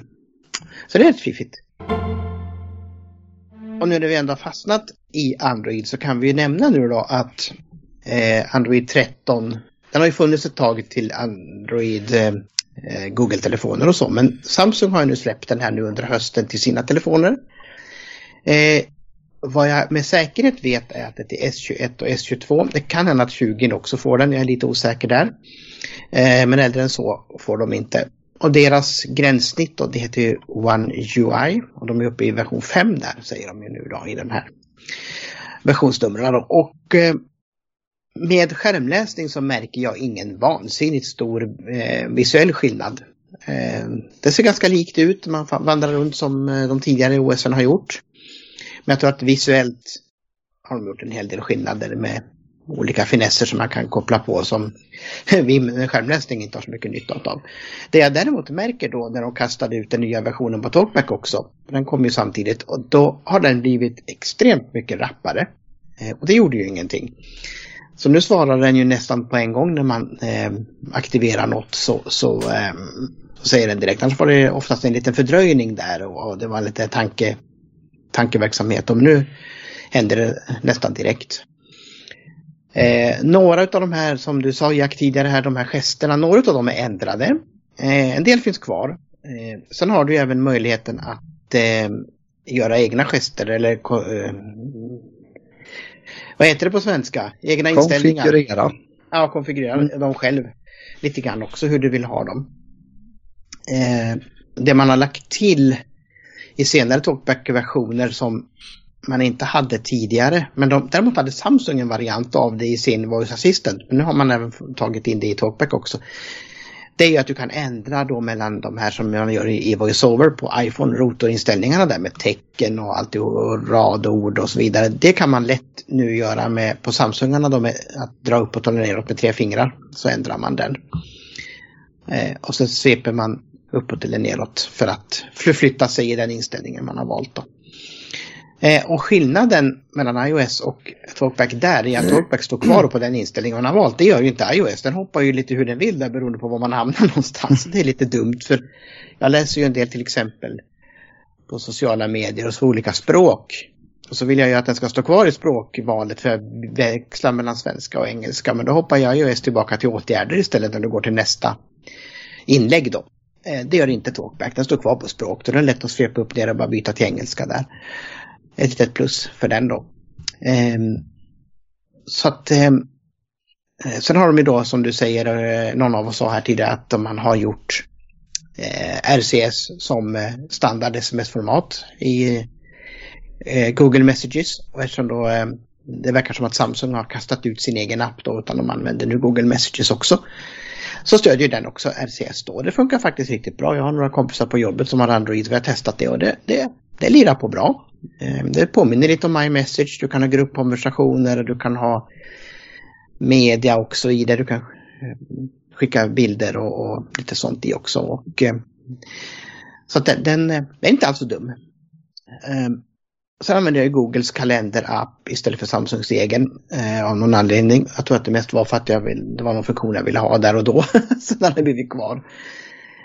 Eh, så använder jag Google Chrome istället för Samsungs webbläsare men det är mest för att den synkar ihop med datorversionen så pass bra så att då har man alla bokmärken och allting där så därför använder jag Chrome. Men den läser jättebra numera. I iOS, iOS ska ni få höra här, Android 12 så läste den dubbelt. Och om man gick på en länk så läste den först länktexten och sen svepte man en gång till så fick man länktexten en gång till utan att det var länk. Eh, det är borta nu, nu läser den bara en, en sak. Så står man på en länk så läser den den. Men inget extra repetition där. Det är bra. Eh, den har blivit mycket rappare på webben också. Så att eh, en bra uppdatering och Samsungarna då av nyare sort, de får ju, jag tror det var fyra års uppdateringar och fem års säkerhetsuppdateringar. Eh, och det är väl ungefär vad eh, livslängden på en sån enhet är. Om inte annat så får man väl byta batteri på dem om inte annat. För det lär ju dö efter två år i alla fall. ungefär brukar ju vara livslängden på dem. Så det är väl ungefär vad jag kan säga om den uppdateringen. Jag tycker den funkar jättebra. Eh, är det något jag saknar från iOS så är det ju punkttangentbordet. Det tycker jag är jäkla fiffigt. Det har ju inte Android på svenska. Det finns men inte på svenska. Eh, och den stora generalmissen man har gjort Eh, det är ju i Talkback nu för nu har man ju slagit ihop Talkback och Brailleback. För Brailleback var ju det ensamma programmet självt då för punktskrift. Men det var ju tvunget till att ha Talkback för att fungera. Eh, och det kunde ju då svenska och alla möjliga punkttabeller då till punktdisplayer. Nu när man slog ihop det här, då har man tappat alla punkttabeller så att nu har man bara engelska, spanska, arabiska och en till som jag glömt vilken det var. Så det finns inte svenska med längre. Och det är lite märkligt eftersom man använder Liv Lewis-tabellerna så borde det inte vara så förbenade svårt att få till svenskan. Eh, men det hoppas vi att det kommer tillbaks. Och det gör ju då att punktskriftsinmatningen på skärmen också då inte har svenska heller då utan den har engelska. Så att eh, ja, punktstödet och Android, ja, det är inte roligt som vi tidigare sagt. Eh, och det är lite synd. Eh, men så är det. Det som är så spännande med just Android-delen eh, här, eh, det tycker jag är att det är, de utgör en konkurrent i alla fall.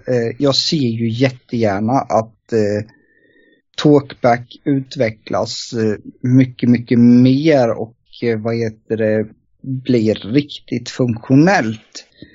Sen att det är en tröskel att ta, över, ta sig över för att lära sig ett nytt system, det är det väl alltid. Ja, det spelar ingen roll. Oh ja. Oh ja. Men just det här med konkurrenskraften, att få konkurrens eh, Eh, Apple behöver konkurrens eh, och eh, framförallt så behöver de få veta det att det finns en smärtgräns någonstans för vad man kan betala för Absolut. en enhet och den verkar inte Apple vara särskilt medveten om.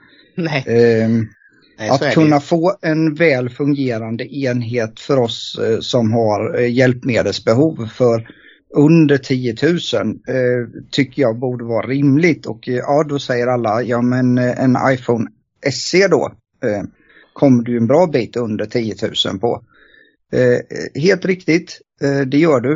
Ehm, och de är väl vassa. Absolut. Absolut. De är jättebra är de. Det som är som jag tycker är lite, lite akilleshälen med den telefonen är ju batteritiden i den. Men mm. eh, funktionsmässigt och standardmässigt om man inte nu måste ha en jättebra skärm av olika anledningar så funkar den ju superbra där. Eh. Det som är fördelen kanske om man ser det då det är väl att eh, de kommer ju att fortsätta antagligen med SE'n och eh, då plockar de väl in, eh, ja kan det vara 12 nästa gång eller någonting ja, både möjligt. i, vad heter det, utformning och eh, även då kanske processorkraft och skärmar och så vidare. Det, ja, det ryktades väl någonstans om att den skulle väl få tians utseende eller någonting sånt där. Eh, vid något tillfälle har jag hört några rykten sådär någon gång. Men det är mycket rykten när det gäller Apple så man mm. vet inte vad som stämmer när det väl kommer ut sen. Nej, det hänger väl lite grann på vad de har kvar för delar och ja. formar och annat sånt här tillverkningsmaterial precis, antagligen precis. vad de vill satsa på där. Jajamän. Men, Nej men du eh, kommer ju, du kommer ju fortfarande inte ner i, i Android-priserna, det gör du inte. Men, Nej det gör du inte och eh, inte i finessväg heller riktigt om du skulle jämföra din Samsung-telefon mot en SE så finns det ju mer begränsningar i SE än ja, vad det, det finns i Samsung-telefon.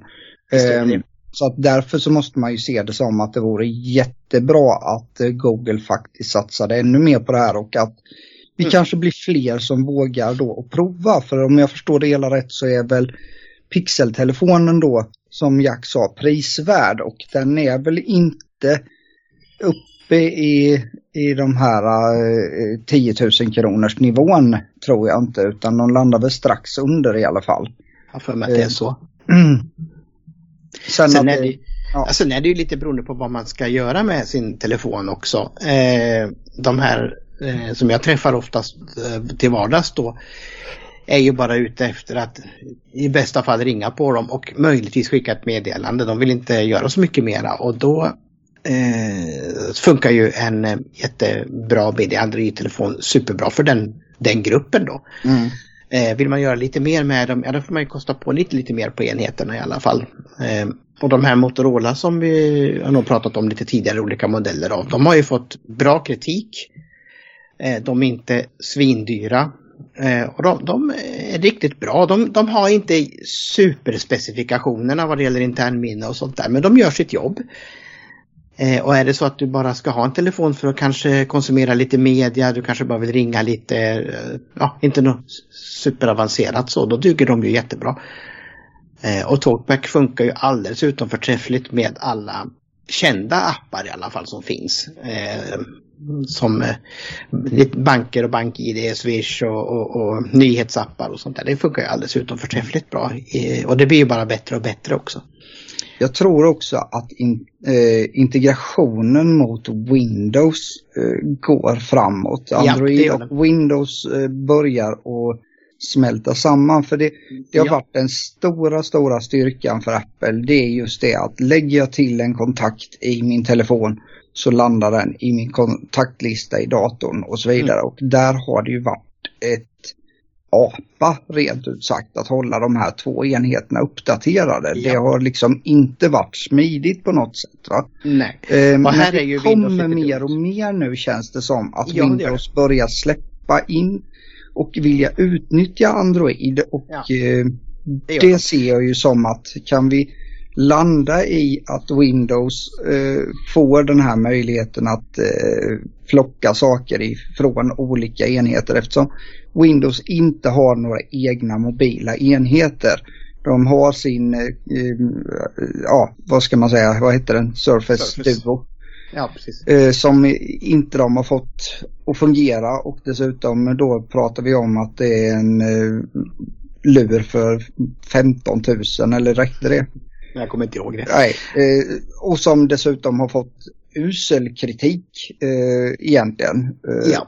Och det är klart att för det, det gör så jättemycket liksom att man kan ha eh, till exempel en e-postadress. Det är inte alltid att vi slänger upp din dator när du sitter med någon och pratar utan du vill lätt och smidigt kunna föra in det i en kontakt ja. när du sitter och pratar med en person. Och sen så veta om det att när jag väl sen ska skicka mitt mail till den här personen så slår jag in den adressen eller de första bokstäverna så jajamensan, då ligger den redan där. Precis, och det finns ju till viss del idag. Eh, har man eh, Windows 10 och 11 då så kan man koppla ihop den med sitt Google-konto och då kommer kontakterna upp i Windows eh, kontaktlistan då. Mm. Men där man däremot stöter på patrull det är ju om man använder Outlook för där funkar det inte och det är jätteskumt. För det, de kan hantera mail från Gmail men de kan inte hantera någonting annat därifrån och det är väl förstås eh, inte så konstigt. Det är ju deras kontorssvit så det är väl det de vill satsa på. Men det är en del privatpersoner som använder den också. Eh, så där hade man ju önskat att den kunde synka kontakter och allt sånt. Med Hotmail går det. Mm. Eh, men inte med eh, Google då. Men sen har du den här härliga integrationen då som heter, hette ju min telefon förut. Eh, nej, det är det den heter nu tror jag. Link to Windows heter den i Android-inställningarna. Eh, och då kan du styra hela din telefon ifrån Windows. Eh, och bocka i en inställning på tillgänglighet också så får du med dig talkback över så då, då pratar JAWS med talkback. Till exempel då. Så då Men det låter ju smidigt. Din... Ja det är skitcool eh, är det. Så, eh, så de har verkligen gift ihop sig och så finns det ju då, det har jag inte testat, men det finns ju någonting de kallar för Android Subsystem for Windows så då kan man tydligen köra något Android-operativ i Windows hur det nu fungerar.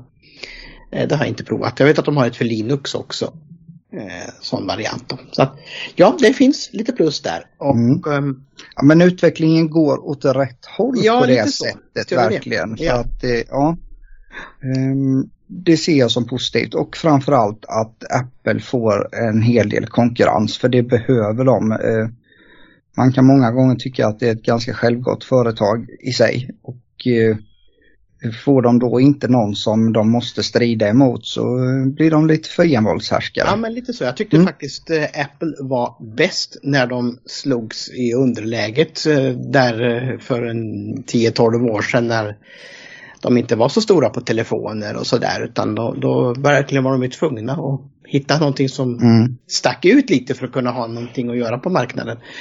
Eh, och eh, det, då tyckte jag de var som bäst. Men så är det. Jo men så är det lite grann. Sen måste man väl se det som så här att eh, ta det, det de lever på nu det är sin telefonförsäljning eh, till ja. mångt och mycket. Eh, och vi kanske har nått lite ände på vad kan vi göra med telefonen och vad vill vi framförallt göra. Eh, emellanåt så känns det som att vi får eh, finesser som ingen ens en gång skulle funderat på att Nej. behöva. Eh, och som det känns verkligen så eh, att eh, Eh, framförallt det här med att uppdatera sin telefon varje år för att det är spännande och kul. Eh, det finns egentligen inte någon som helst anledning att göra för de få sakerna som du får extra, de är inte värda de pengarna. Nej, nej absolut mm. inte. På långa vägar alltså. Absolut inte. Men jag har hängt kvar med min gamla sjua hur länge som helst. Men nu var jag tvungen att byta på jobbet då. Så att, mm. Eh, då mm. fick jag en iPhone 12 där. Men, men eh, annars har jag haft en sjua där på jobbet. För där ringer jag ju bara på telefonen. Så där behöver jag inte ha något annat i den. Så visar jag lite hur det funkar för de som kommer på rummet. Men, men eh, annars är det bara för telefonsamtal jag använder den telefonen nästan. Från det ena till det andra som Martin Ljung sa i en sketch en gång.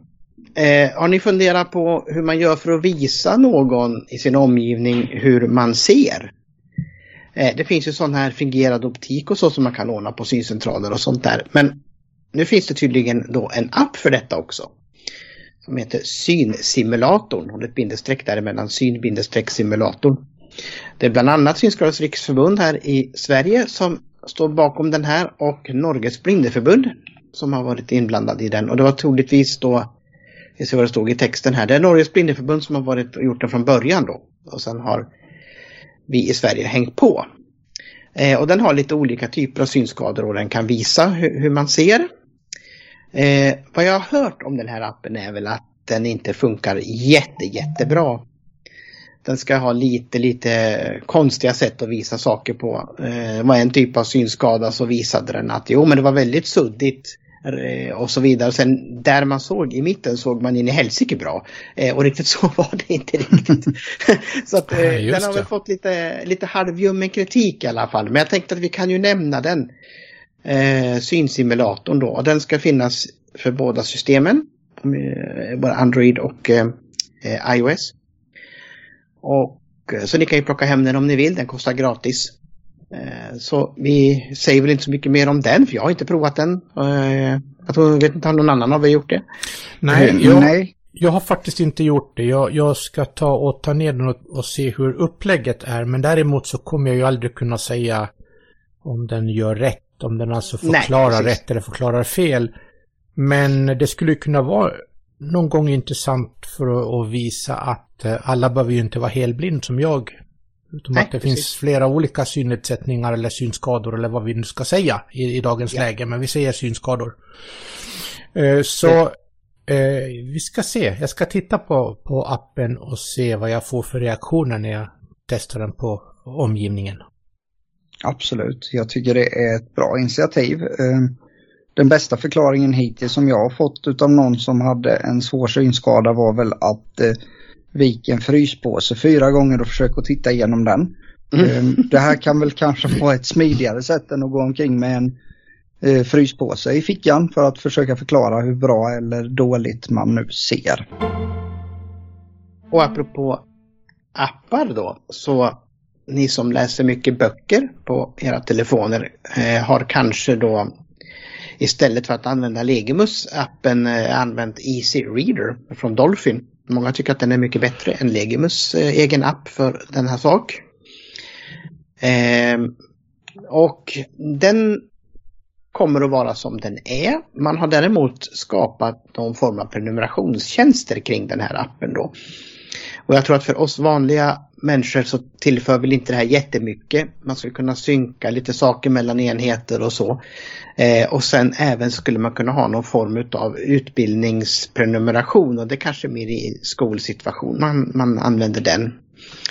Eh, och det var lite olika priser på de här som jag inte tänker gå in på här och nu. Men eh, så de, de utvecklar den här appen lite grann då ifrån Dolphin Computers då. Eh, och den som känner igen det, ja det är de som gör Supernova och Guide Connect eh, och några fler eh, hjälpmedelsprogram också. Vill man gå in och titta och läsa mer om det här så kan man göra det på yourdolphin.com. Så kan man läsa mer om de olika prenumerationerna som finns på den här appen. Då.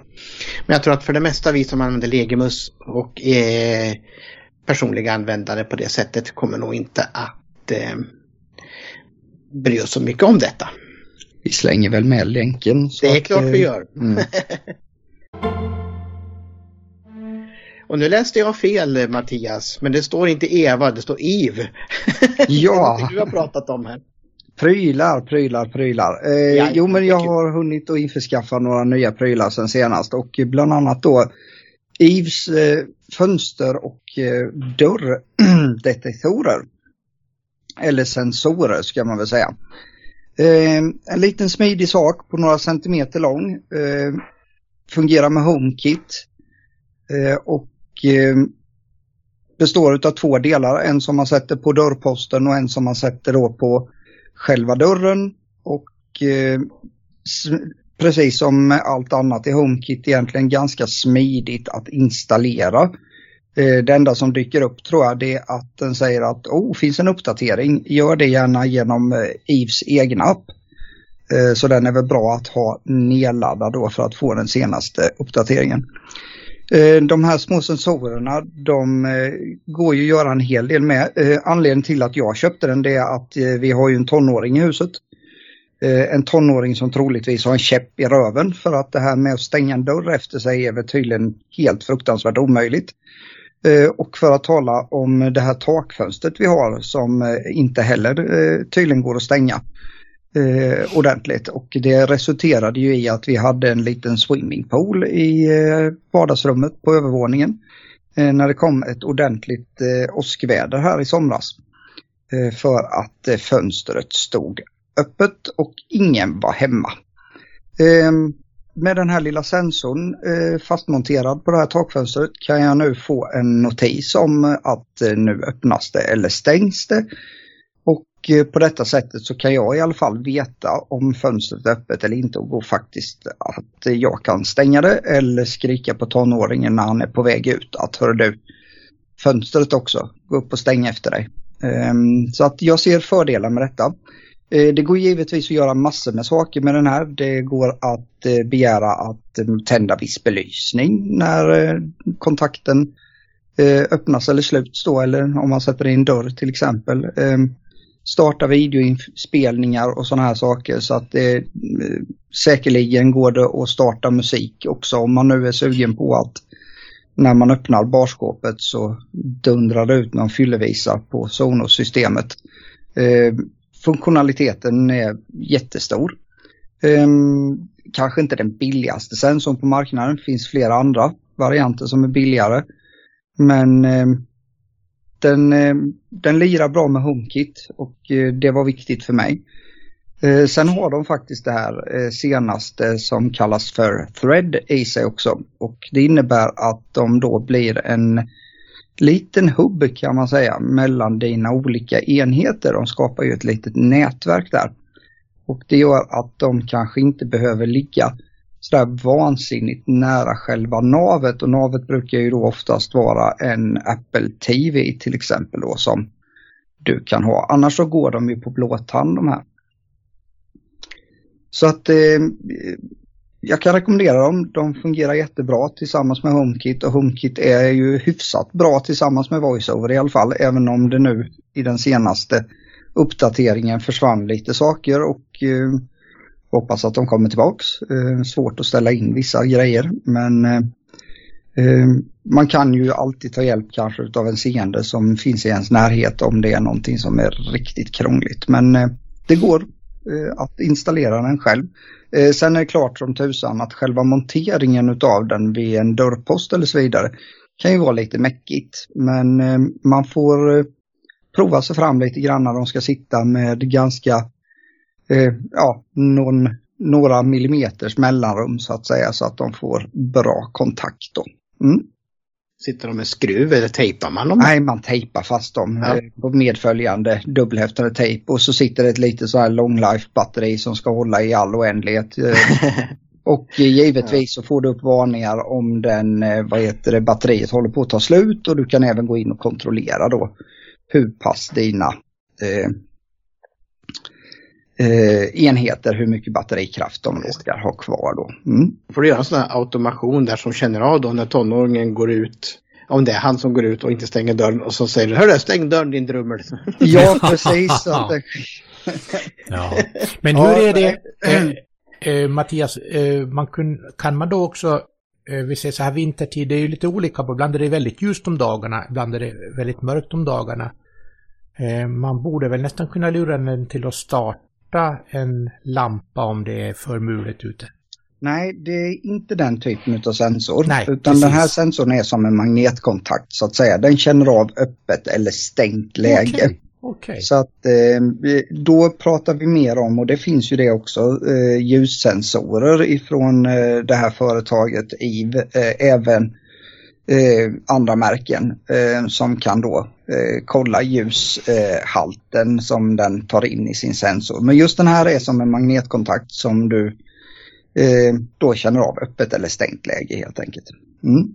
Sen kan du också programmera vissa av de här eh, systemen som Google Home och eh, det jag kör Home Assistant. Då kan man ju programmera att eh, den vet när solen går upp och ner så kan man sätta den på att tända och släcka lampor på det sättet också.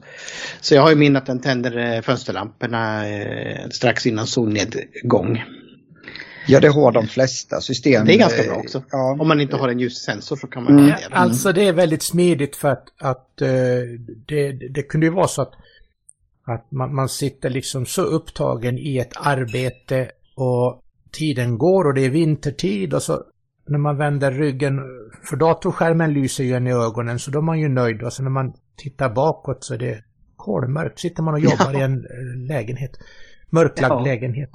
Så att det här slipper man, för vi har det så också att eh, tre kvart innan solens nedgång så slår den på lyset och när man då vaknar på morgonen och eh, beordrar påslagning så släcker den också lyset om det är en halvtimme efter soluppgången eller någonting sånt där. Och det är smidigt för att jag glömmer ibland lamporna. Det blir för ljust i rummet så ser inte jag att lampan Nej, just det. lyser.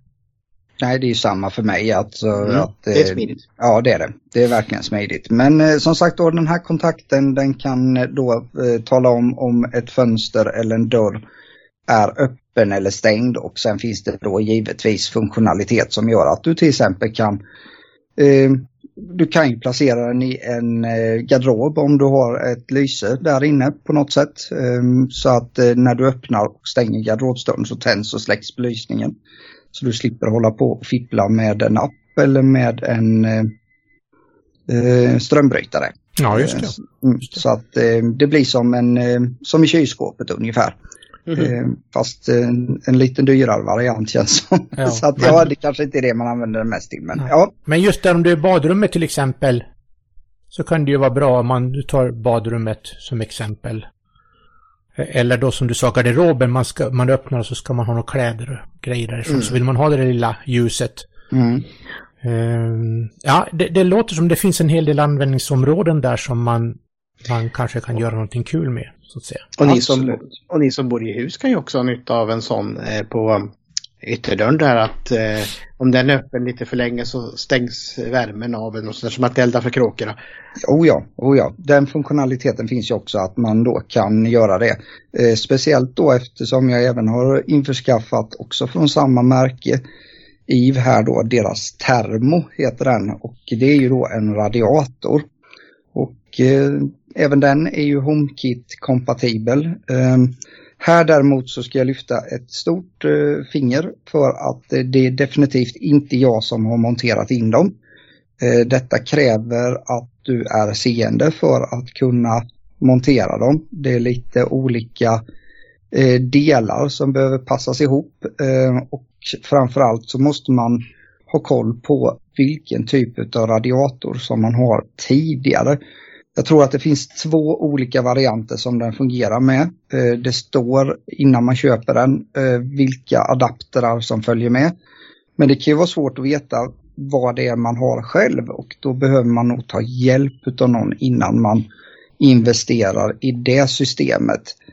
Eh, fördelen där det är ju som sagt var att det går att ställa det på exakt gradtal. Ehm, och du kan även då som sagt var komplettera med en, en dörrsensor till exempel som Tony sa där då att öppnar jag altandörren så stänger jag också av elementet eh, om det ska stå öppet en längre stund. Ehm, Att den känner av det. Eh, nu är altandörren en dålig idé för mig eftersom jag har en rykande sambo. Så hade den varit på av så många gånger så den hade väl blivit förvirrad antagligen under ett dygn där. Eh, så att det, det är väl inte den användningen som jag har utav eh, den delen. Men just det här med att kunna eh, ställa eh, elementet på en behaglig temperatur. Eh, du kan ju då också göra olika zoner om du har ett stort hus till exempel. Att du eh, väljer att eh, inkludera vissa rum i en zon. Då kan du bestämma att en zon bara ska vara upp till en viss gradtal under en viss tid. Låt säga att du är, vad heter det, inte använder den delen av huset under dagtid. Då kan du dra ner på värmen för att sen eh, ställa den att den hoppar igång och skjutsar på värmen till du är hemma igen så att den blir väldigt eh, så det blir behaglig värme helt enkelt. Och mm. eh, det går ju fjärrstyra den här också då så att för sommarstugan och så vidare så är det också ett, en variant att kunna justera din värme ifrån en annan plats. Så att, men förhållandevis dyrt system. De är inte ehm, jätteprisvärda egentligen men ehm, jag tyckte det var lite kul att få testa det och ehm, ska väl utvärdera om det ger någonting på våra värmekostnader lite grann att kunna justera värme på ett bättre sätt. Ja, man behöver ju inte som sagt elda där man inte befinner sig om man har flera våningar och så kanske man inte är i en våning på jämt och ständigt så kan man ha lite lägre där. Och, eh, och när man åker bort en längre tid och så. Så det är rätt fiffigt tror jag. Mm. Och jag tror man tjänar mest på en sån här installation. Det tror jag man gör om man har direkt el. Absolut. Det tror jag. Och jag som bor i hyreslägenhet, jag tror inte ens att jag får göra det där. Men, men eh, men eh, det är en kul grej.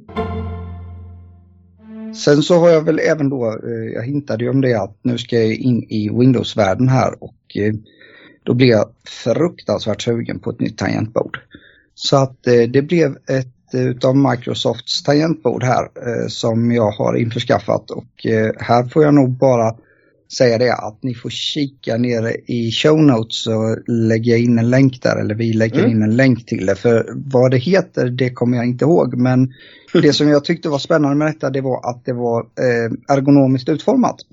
Så att det är ju splittat då på mitten. Eh, så att istället för ett helt tangentbord så har jag två eh, delar så att säga kan man eh, säga med tangenter. Så att eh, splitten går då mellan eh, då blir det G och H då va? Ja. Så att jag har en del som eh, G och H sitter, eller som H och J sitter på. Och en del då som F och G sitter på. Eh, lite svårt att förklara här kanske men eh, jag tyckte om tangentbordet. Kanske lite långa slag på tangenterna men eh, det är nog en vanesak. Eh, men just det här med att jag tyckte att det var lättare att hitta fingersättningen. Eh, Tony och jag har trätt om de mina pluppar på tangentborden. Han hatar dem eh, utan dess like och jag har haft ett väldigt stort behov av dem. Men, när jag, jag, tycker, suttit... jag tycker bara de är så fula. men när jag suttit med det här nu ett tag så kan jag säga det att jag tycker fingersättningen blir betydligt enklare eftersom Eh, det är lättare att hitta tack vare att det är eh, helt enkelt delat på mitten och då även vinklat så att händerna hamnar på eh, i, en, i en mer behaglig vinkel helt enkelt. Jag har sett eh, något sånt där tangentbord för jättelänge sedan. Logitech tror jag hade något sånt där en gång för superlänge sedan. Ja, det har de fortfarande. Och då tyckte jag den såg jättemärklig ut där och då. Men mm. eh, det är nog en vanesak också. Ja, jag får ta med det nästa gång vi träffas så får du chans att testa. Det eh, finns några programmerbara knappar på den och eh, även ett x antal sådana här specialknappar för att eh, starta och stoppa eh, musik och eh, uppspelningar, höja sänka volymen, en separat eh, numerisk del och lite andra sådana här knappar som man vill ha. En insert-knapp till exempel som sitter ganska lättillgängligt. Ja, just det. Ja, det är ju bra. Mm. När man kör JAWS använder man ju den mycket. Ja, precis. Så att, eh, ja, det, det var en trevlig upplevelse. Men jag lägger, mm. Eh, ser till att länken kommer med där så att ni kan själva gå in och läsa på den. Eh, bli inte lurade nu, det stod att det var ett nordiskt eh, tangentbord. Eh, men tittar man på bilden så är det nog ett, eh, något annat. Eh, men väljer man den modellen som de kallar för nordisk så är det OÄÖ på. Så att Ja, Nå, ja det är ju jätteviktigt. Jag, det är ju jätteviktigt. Någon gång vet jag att jag köpte något sånt där tangentbord för länge, länge, länge sedan. Som var, och då var det olika eh, toppar med att man kunde byta mellan norsk och svensk. det var lite roligt också. Ja, nej men och det är ju ett full-size tangentbord och ja, eh, ja eh, ta lite större plats på ditt skrivbordsyta för att den har ett integrerat handledsstöd som var väldigt, väldigt bekvämt.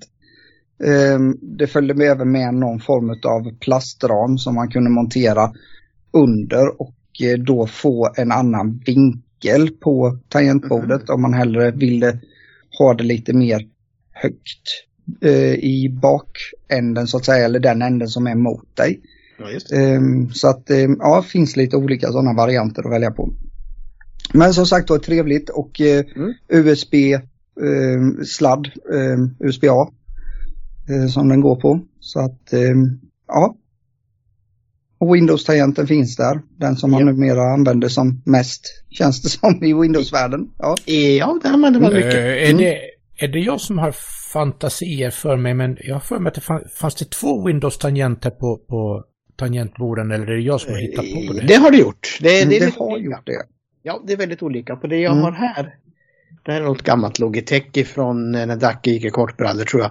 Eh, den har både två Windows-tangenter, den har även den här snabbmenyknappen också som är mer eller mindre borta på många tangentbord idag.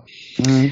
Eh, och det jag har inne i den andra datorn också är nog ett Logitech, simpelt, enkelt, billigt, 90 kronors tangentbord. Eh, den har också de där. Men däremot på den jag har på jobbet så finns det inte dubbla Windows-tangenter. Då har de en, en, en FN-tangent där istället. Så att eh, det är lite olika på olika tillverkare då. Mm. Ja, det här tror jag det bara satt ett på vänster sida. Ja. Och många laptop-tangentbord har ju inte dubbel för uppsättning utav dem där utan de har i bästa fall två kontrolltangenter och två skift. Sen allt tangenterna men sen har de inte dubbla Windows och oftast inte snabbmenyknappen heller. Nej. Då får man trycka Shift F10. Ja, precis. precis.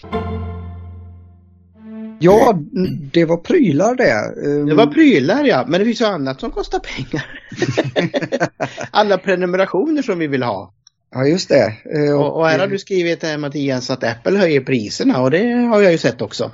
Jajamän, jag som kör till exempel Apple Music fick ju en liten brasklapp om att de numera skulle ta 119 kronor för mitt eh, Apple Music-abonnemang. Och eh, sen så hörde jag också att jo, men troligtvis kommer de nog höja Apple TV Plus också som jag är prenumerant utav eh, för att titta på tv-serier och film. Och eh, där var ju priset tidigare 59 kronor i månaden och eh, nu tog de i. Så att eh, nu var de uppe i 89 kronor.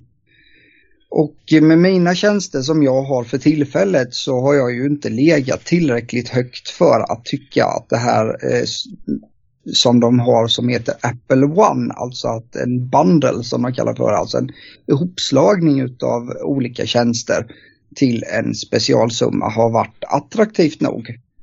Eh, men nu skilde det tror jag 7 kronor. Och eh, på det som jag prenumererade på och det här Apple One. Och då innebar det att jag faktiskt eh, tog en prenumeration på Apple One istället. Och då kastade de in det som jag inte hade i, eh, tillgång till tidigare var ju det som heter Apple Arcade, alltså det här speldelen. Eh, vet egentligen inte vad jag ska med den till men jag tror att eh, sambon hittade någon sån här partyspel med eh, ja, eh, popquiz eller vad det nu var för någonting och lite sån här sak som kanske jag kan vara med och delta i också. Eh, så det var väl eh, det om eh, prishöjningarna.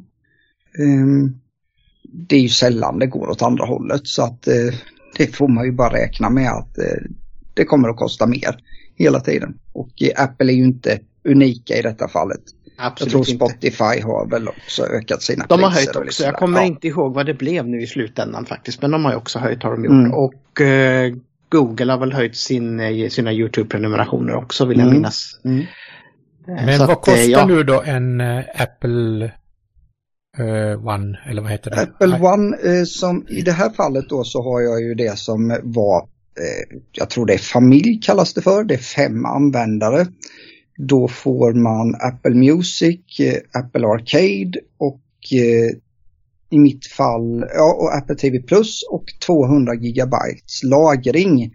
Och då gick det på 249 kronor tror jag. Skulle jag kört tjänsterna löst de här tre som jag hade utan Apple Arcade så tror jag att jag landade på 237 eller någonting liknande. Så att Mm, det, var, ja. det var inte någonting att tveka på i Nej. det här fallet. Då, va? Nej. Eh, Ja, men och det- det beror väl enbart på att jag inte har sett någon prishöjning på de här 200 gigabytens molnlagring på iCloud. Men eh, det är väl som sagt var en tidsfråga innan man hade fått ett lite trevligt meddelande om att nu höjer vi det med 10 kronor kanske också eller någonting. Så att eh, då hade det, det här var nog eh, en bra, ett bra val för mig. var ett bra val, ja. Jo, Ja. precis. Jag tror jag har den minsta. Vad är det 50? Jag Som är betalar du minsta 9 iCloud. kronor i månaden eh, enligt den gamla prislistan på iCloud-utrymmet så får du 50 Ja, jag tror det är gigabyte. 50. Mm, mm. Ja, jag tror det är den jag har. eh, Apple har ju alltid varit väldigt fula på att släppa till väldigt lite iCloud-utrymme i, eh, eh, gratis. Jag kommer inte ihåg vad är grunden. 5 gigabyte. Ja, precis. Ja. Så att, eh, Dropbox har ju eh, fem, tror jag, eller om det är tre eller två. De har väldigt lågt. Och Mm. eh, Google har ju 15 mm, som gratis då. Mm. Eh, och sen kommer jag inte ihåg. Dropbox. Eh, Dropbox Ja, jag tror har väl... två eller något sånt Är det där, två tror jag. de ja. Och sen har Ja. du Microsoft, eh, alltså utan prenumeration så är det väl bara fem de också. Ja, det tror jag är något sånt på Mm. den också. mm. Men har du Det- det här 9 kronors abonnemanget på Apple så kan du ju dölja Ja. din e-postadress och alias och... Ja, och det skiter jag i. Det var bara lagringen jag ville ha. Ja, ja precis. Ja. Nej, ja, nej men det, En liten pluslagring. Jag behövde inte ha så mycket i och med att jag har ju min egen lagring på 6 terabyte här i hyllan så att jag Precis. klarar mig rätt bra på det. Men just eh, för att kunna ha lite mellan eh, enheter som lite mellanlagring där.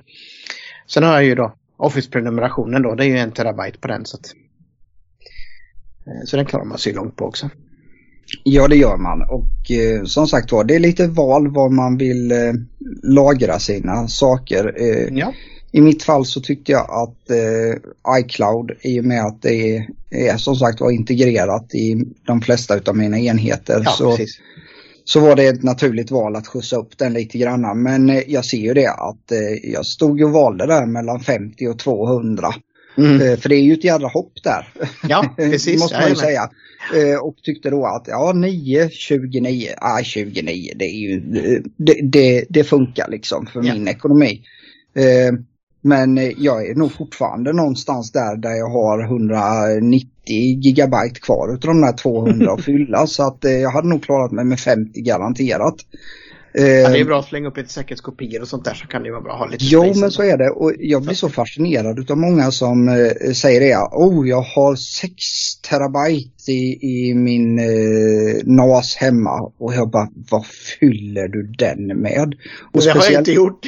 speciellt personer som inte då eh, filmar och eh, tar mycket bilder och så vidare. En seende person, fine, det har jag kamrater som har en kamera klistrad vid ögat så fort de är någonstans utanför sitt eget hem. Mm. Och eh, älskar att eh, fotografera eh, det som de håller på med och eh, det kräver utrymme. Oh, ja, Men du vet alltså mina eh, Word-dokument och så vidare, det är inte så att det liksom blir trångt. på, Nej, jag har ju inte behövt uppgradera den om jag säger så. Nej. Eh, den här byggde jag ihop eh, 2014 så den har ju funkat i, i mer än åtta år nu. Eh, och då var det fyra hårddiskar och så är det två terabyte vardera då. Så att eh, det blev... Däremot kan jag ju nog tänka mig Men däremot har jag en del musik på den. Det är det som Ja. tar lite utrymme för Ja, mig. det men det, det är inte, det är inte eh, aldrig en terabyte tror jag. Nej, men det, det som jag kan tycka är lite spännande då, det är väl kanske om man skulle rent krasst se det, eh, att man skulle ta eh, de här gratisabonnemangen eller eh, det lägsta de erbjuder för eh, som sagt var 50 gig för 9 kronor. Eh, och motsvarande på de andra tjänsterna och faktiskt använda det som säkerhetskopiering på säkerhetskopiering. Ja, Eh, molntjänster är molntjänster. Eh, det är företag som driver de här. Eh, vet man aldrig eh, vad som händer med. Och eh, är det då väldigt värdefull information som man vill spara på något sätt så kanske man inte ska lägga alla äggen i en korg tänker jag då i det fallet. Nej, lite så. Mm. Det är så jag har lite här också. Okej Tony, julen närmar sig och eh, Då tänkte vi ha en liten tävling här på Blind Tech Support. Och, och, ja. Berätta lite Tony. Ja, det tänkte vi ha och eh, vi kommer att dra tre vinnare som gissar rätt här och det ni ska få gissa på det är tre olika ljudklipp. Och eh, de tre första rätta svaren på de här ljudklippen då eh, kommer vi att dra till nästa avsnitt. Och det är ju då stoppdatum då för att skicka in era svar kommer vara då den 15 december.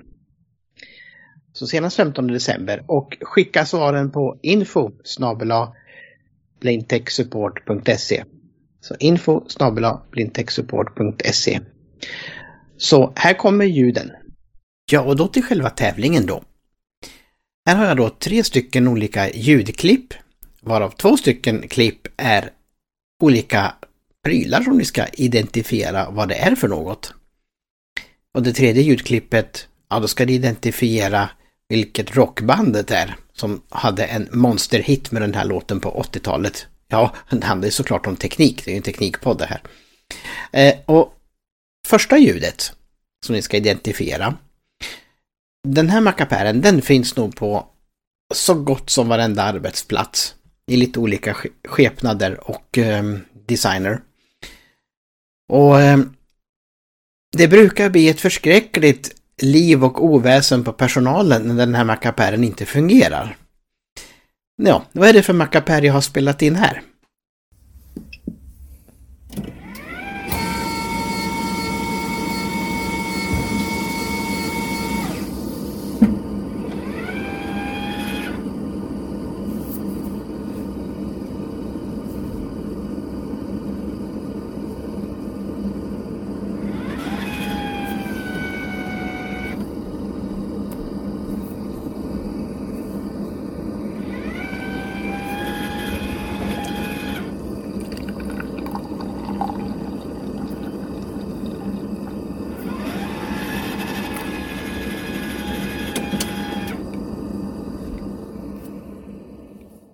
Ja, kunde ni gissa vad det var för en mackapär jag hade spelat in?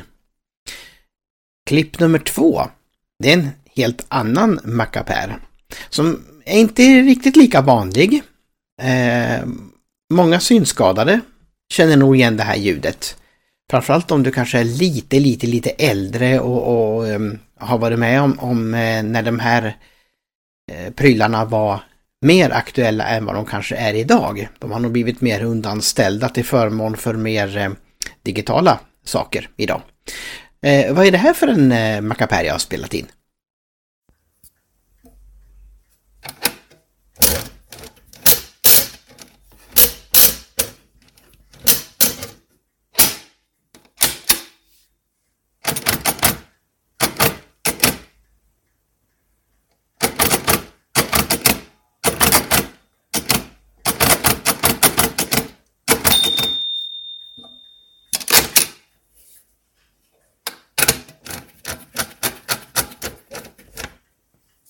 Kunde ni lista ut vad det var?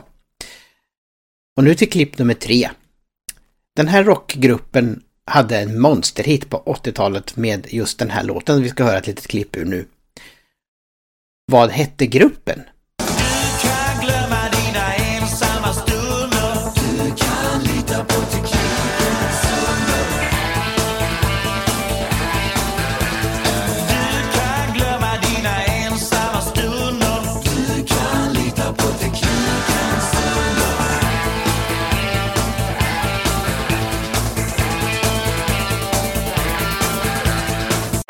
Kunde ni lista ut vilken gruppens eh, namn var? De hade alltså en brottarhit med den här låten på 80-talet. Skriv nu ner era svar, alla tre ljuden, och så skickar ni det till info blindtechsupport.se och skriv gärna då hur vi kan kontakta er på ett lämpligt sätt om det skulle vara så att ni blir en av vinnarna i den här lilla tävlingen. Info blindtechsupport.se är vår mejladress. Lycka till! Och nu när ni har gissat på de här ljuden så skickar ni in svaren på info blindtechsupport.se senast 15 december. Så är ni med i våran eh, dragning på de tre först öppnade rätta svaren. Och eh, vad vi ska eh, ha i, i eh, vinstkorgen, det vet vi inte riktigt än Mattias, eller hur? Nej, det blir en överraskning. Eh, så att eh, till nästa gång så kommer vi att avslöja vad vinnarna får för något gott. Men eh, det är ju en teknikpodd så att det blir väl säkert någon pryl. Eller vad tror ni? Det tror jag säkert. Det tror vi. Hör, hörni, är det dags att lägga laptoplocket på nu då för den här gången? Ja.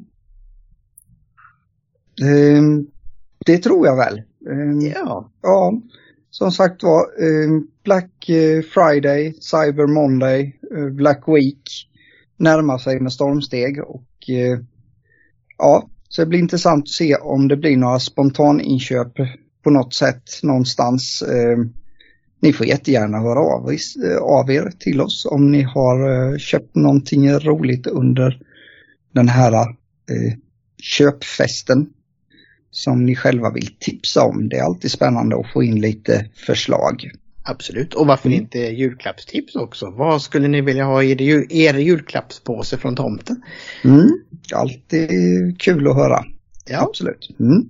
Så kommer det bli då lite jultema nästa avsnitt kan vi väl nästan säga då med tanke på det här. Att eh, det kommer att pratas kanske lite julklappstips och lite sånt där. så att ni kan eh, tipsa oss vad ni vill. Ja, och vad ni vill ha i er säck.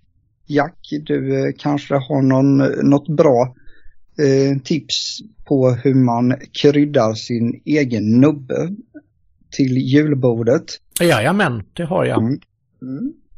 Får vi se om Linda och eh, Lisbeth också kommer med lite tips om eh, goda bakverk kanske som man ska ha till julen. Det får vi försöka ordna. Ja, det måste vi ha. Man måste ha något att tugga på också. Jajamensan. Toppen hörni. Men då, då eh, vinkar jag från Göteborg och så hörs vi nästa gång. Mm, tack och hej från Vaggeryd och eh, sköt om er. Tack och hej från Växjö. Vi hörs och störs.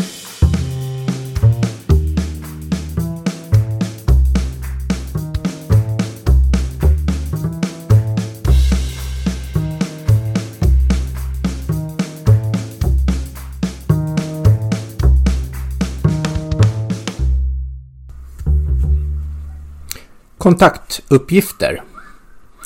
Vill ni komma i kontakt med oss så gör ni det på följande sätt. Maila till info blindtechsupport.se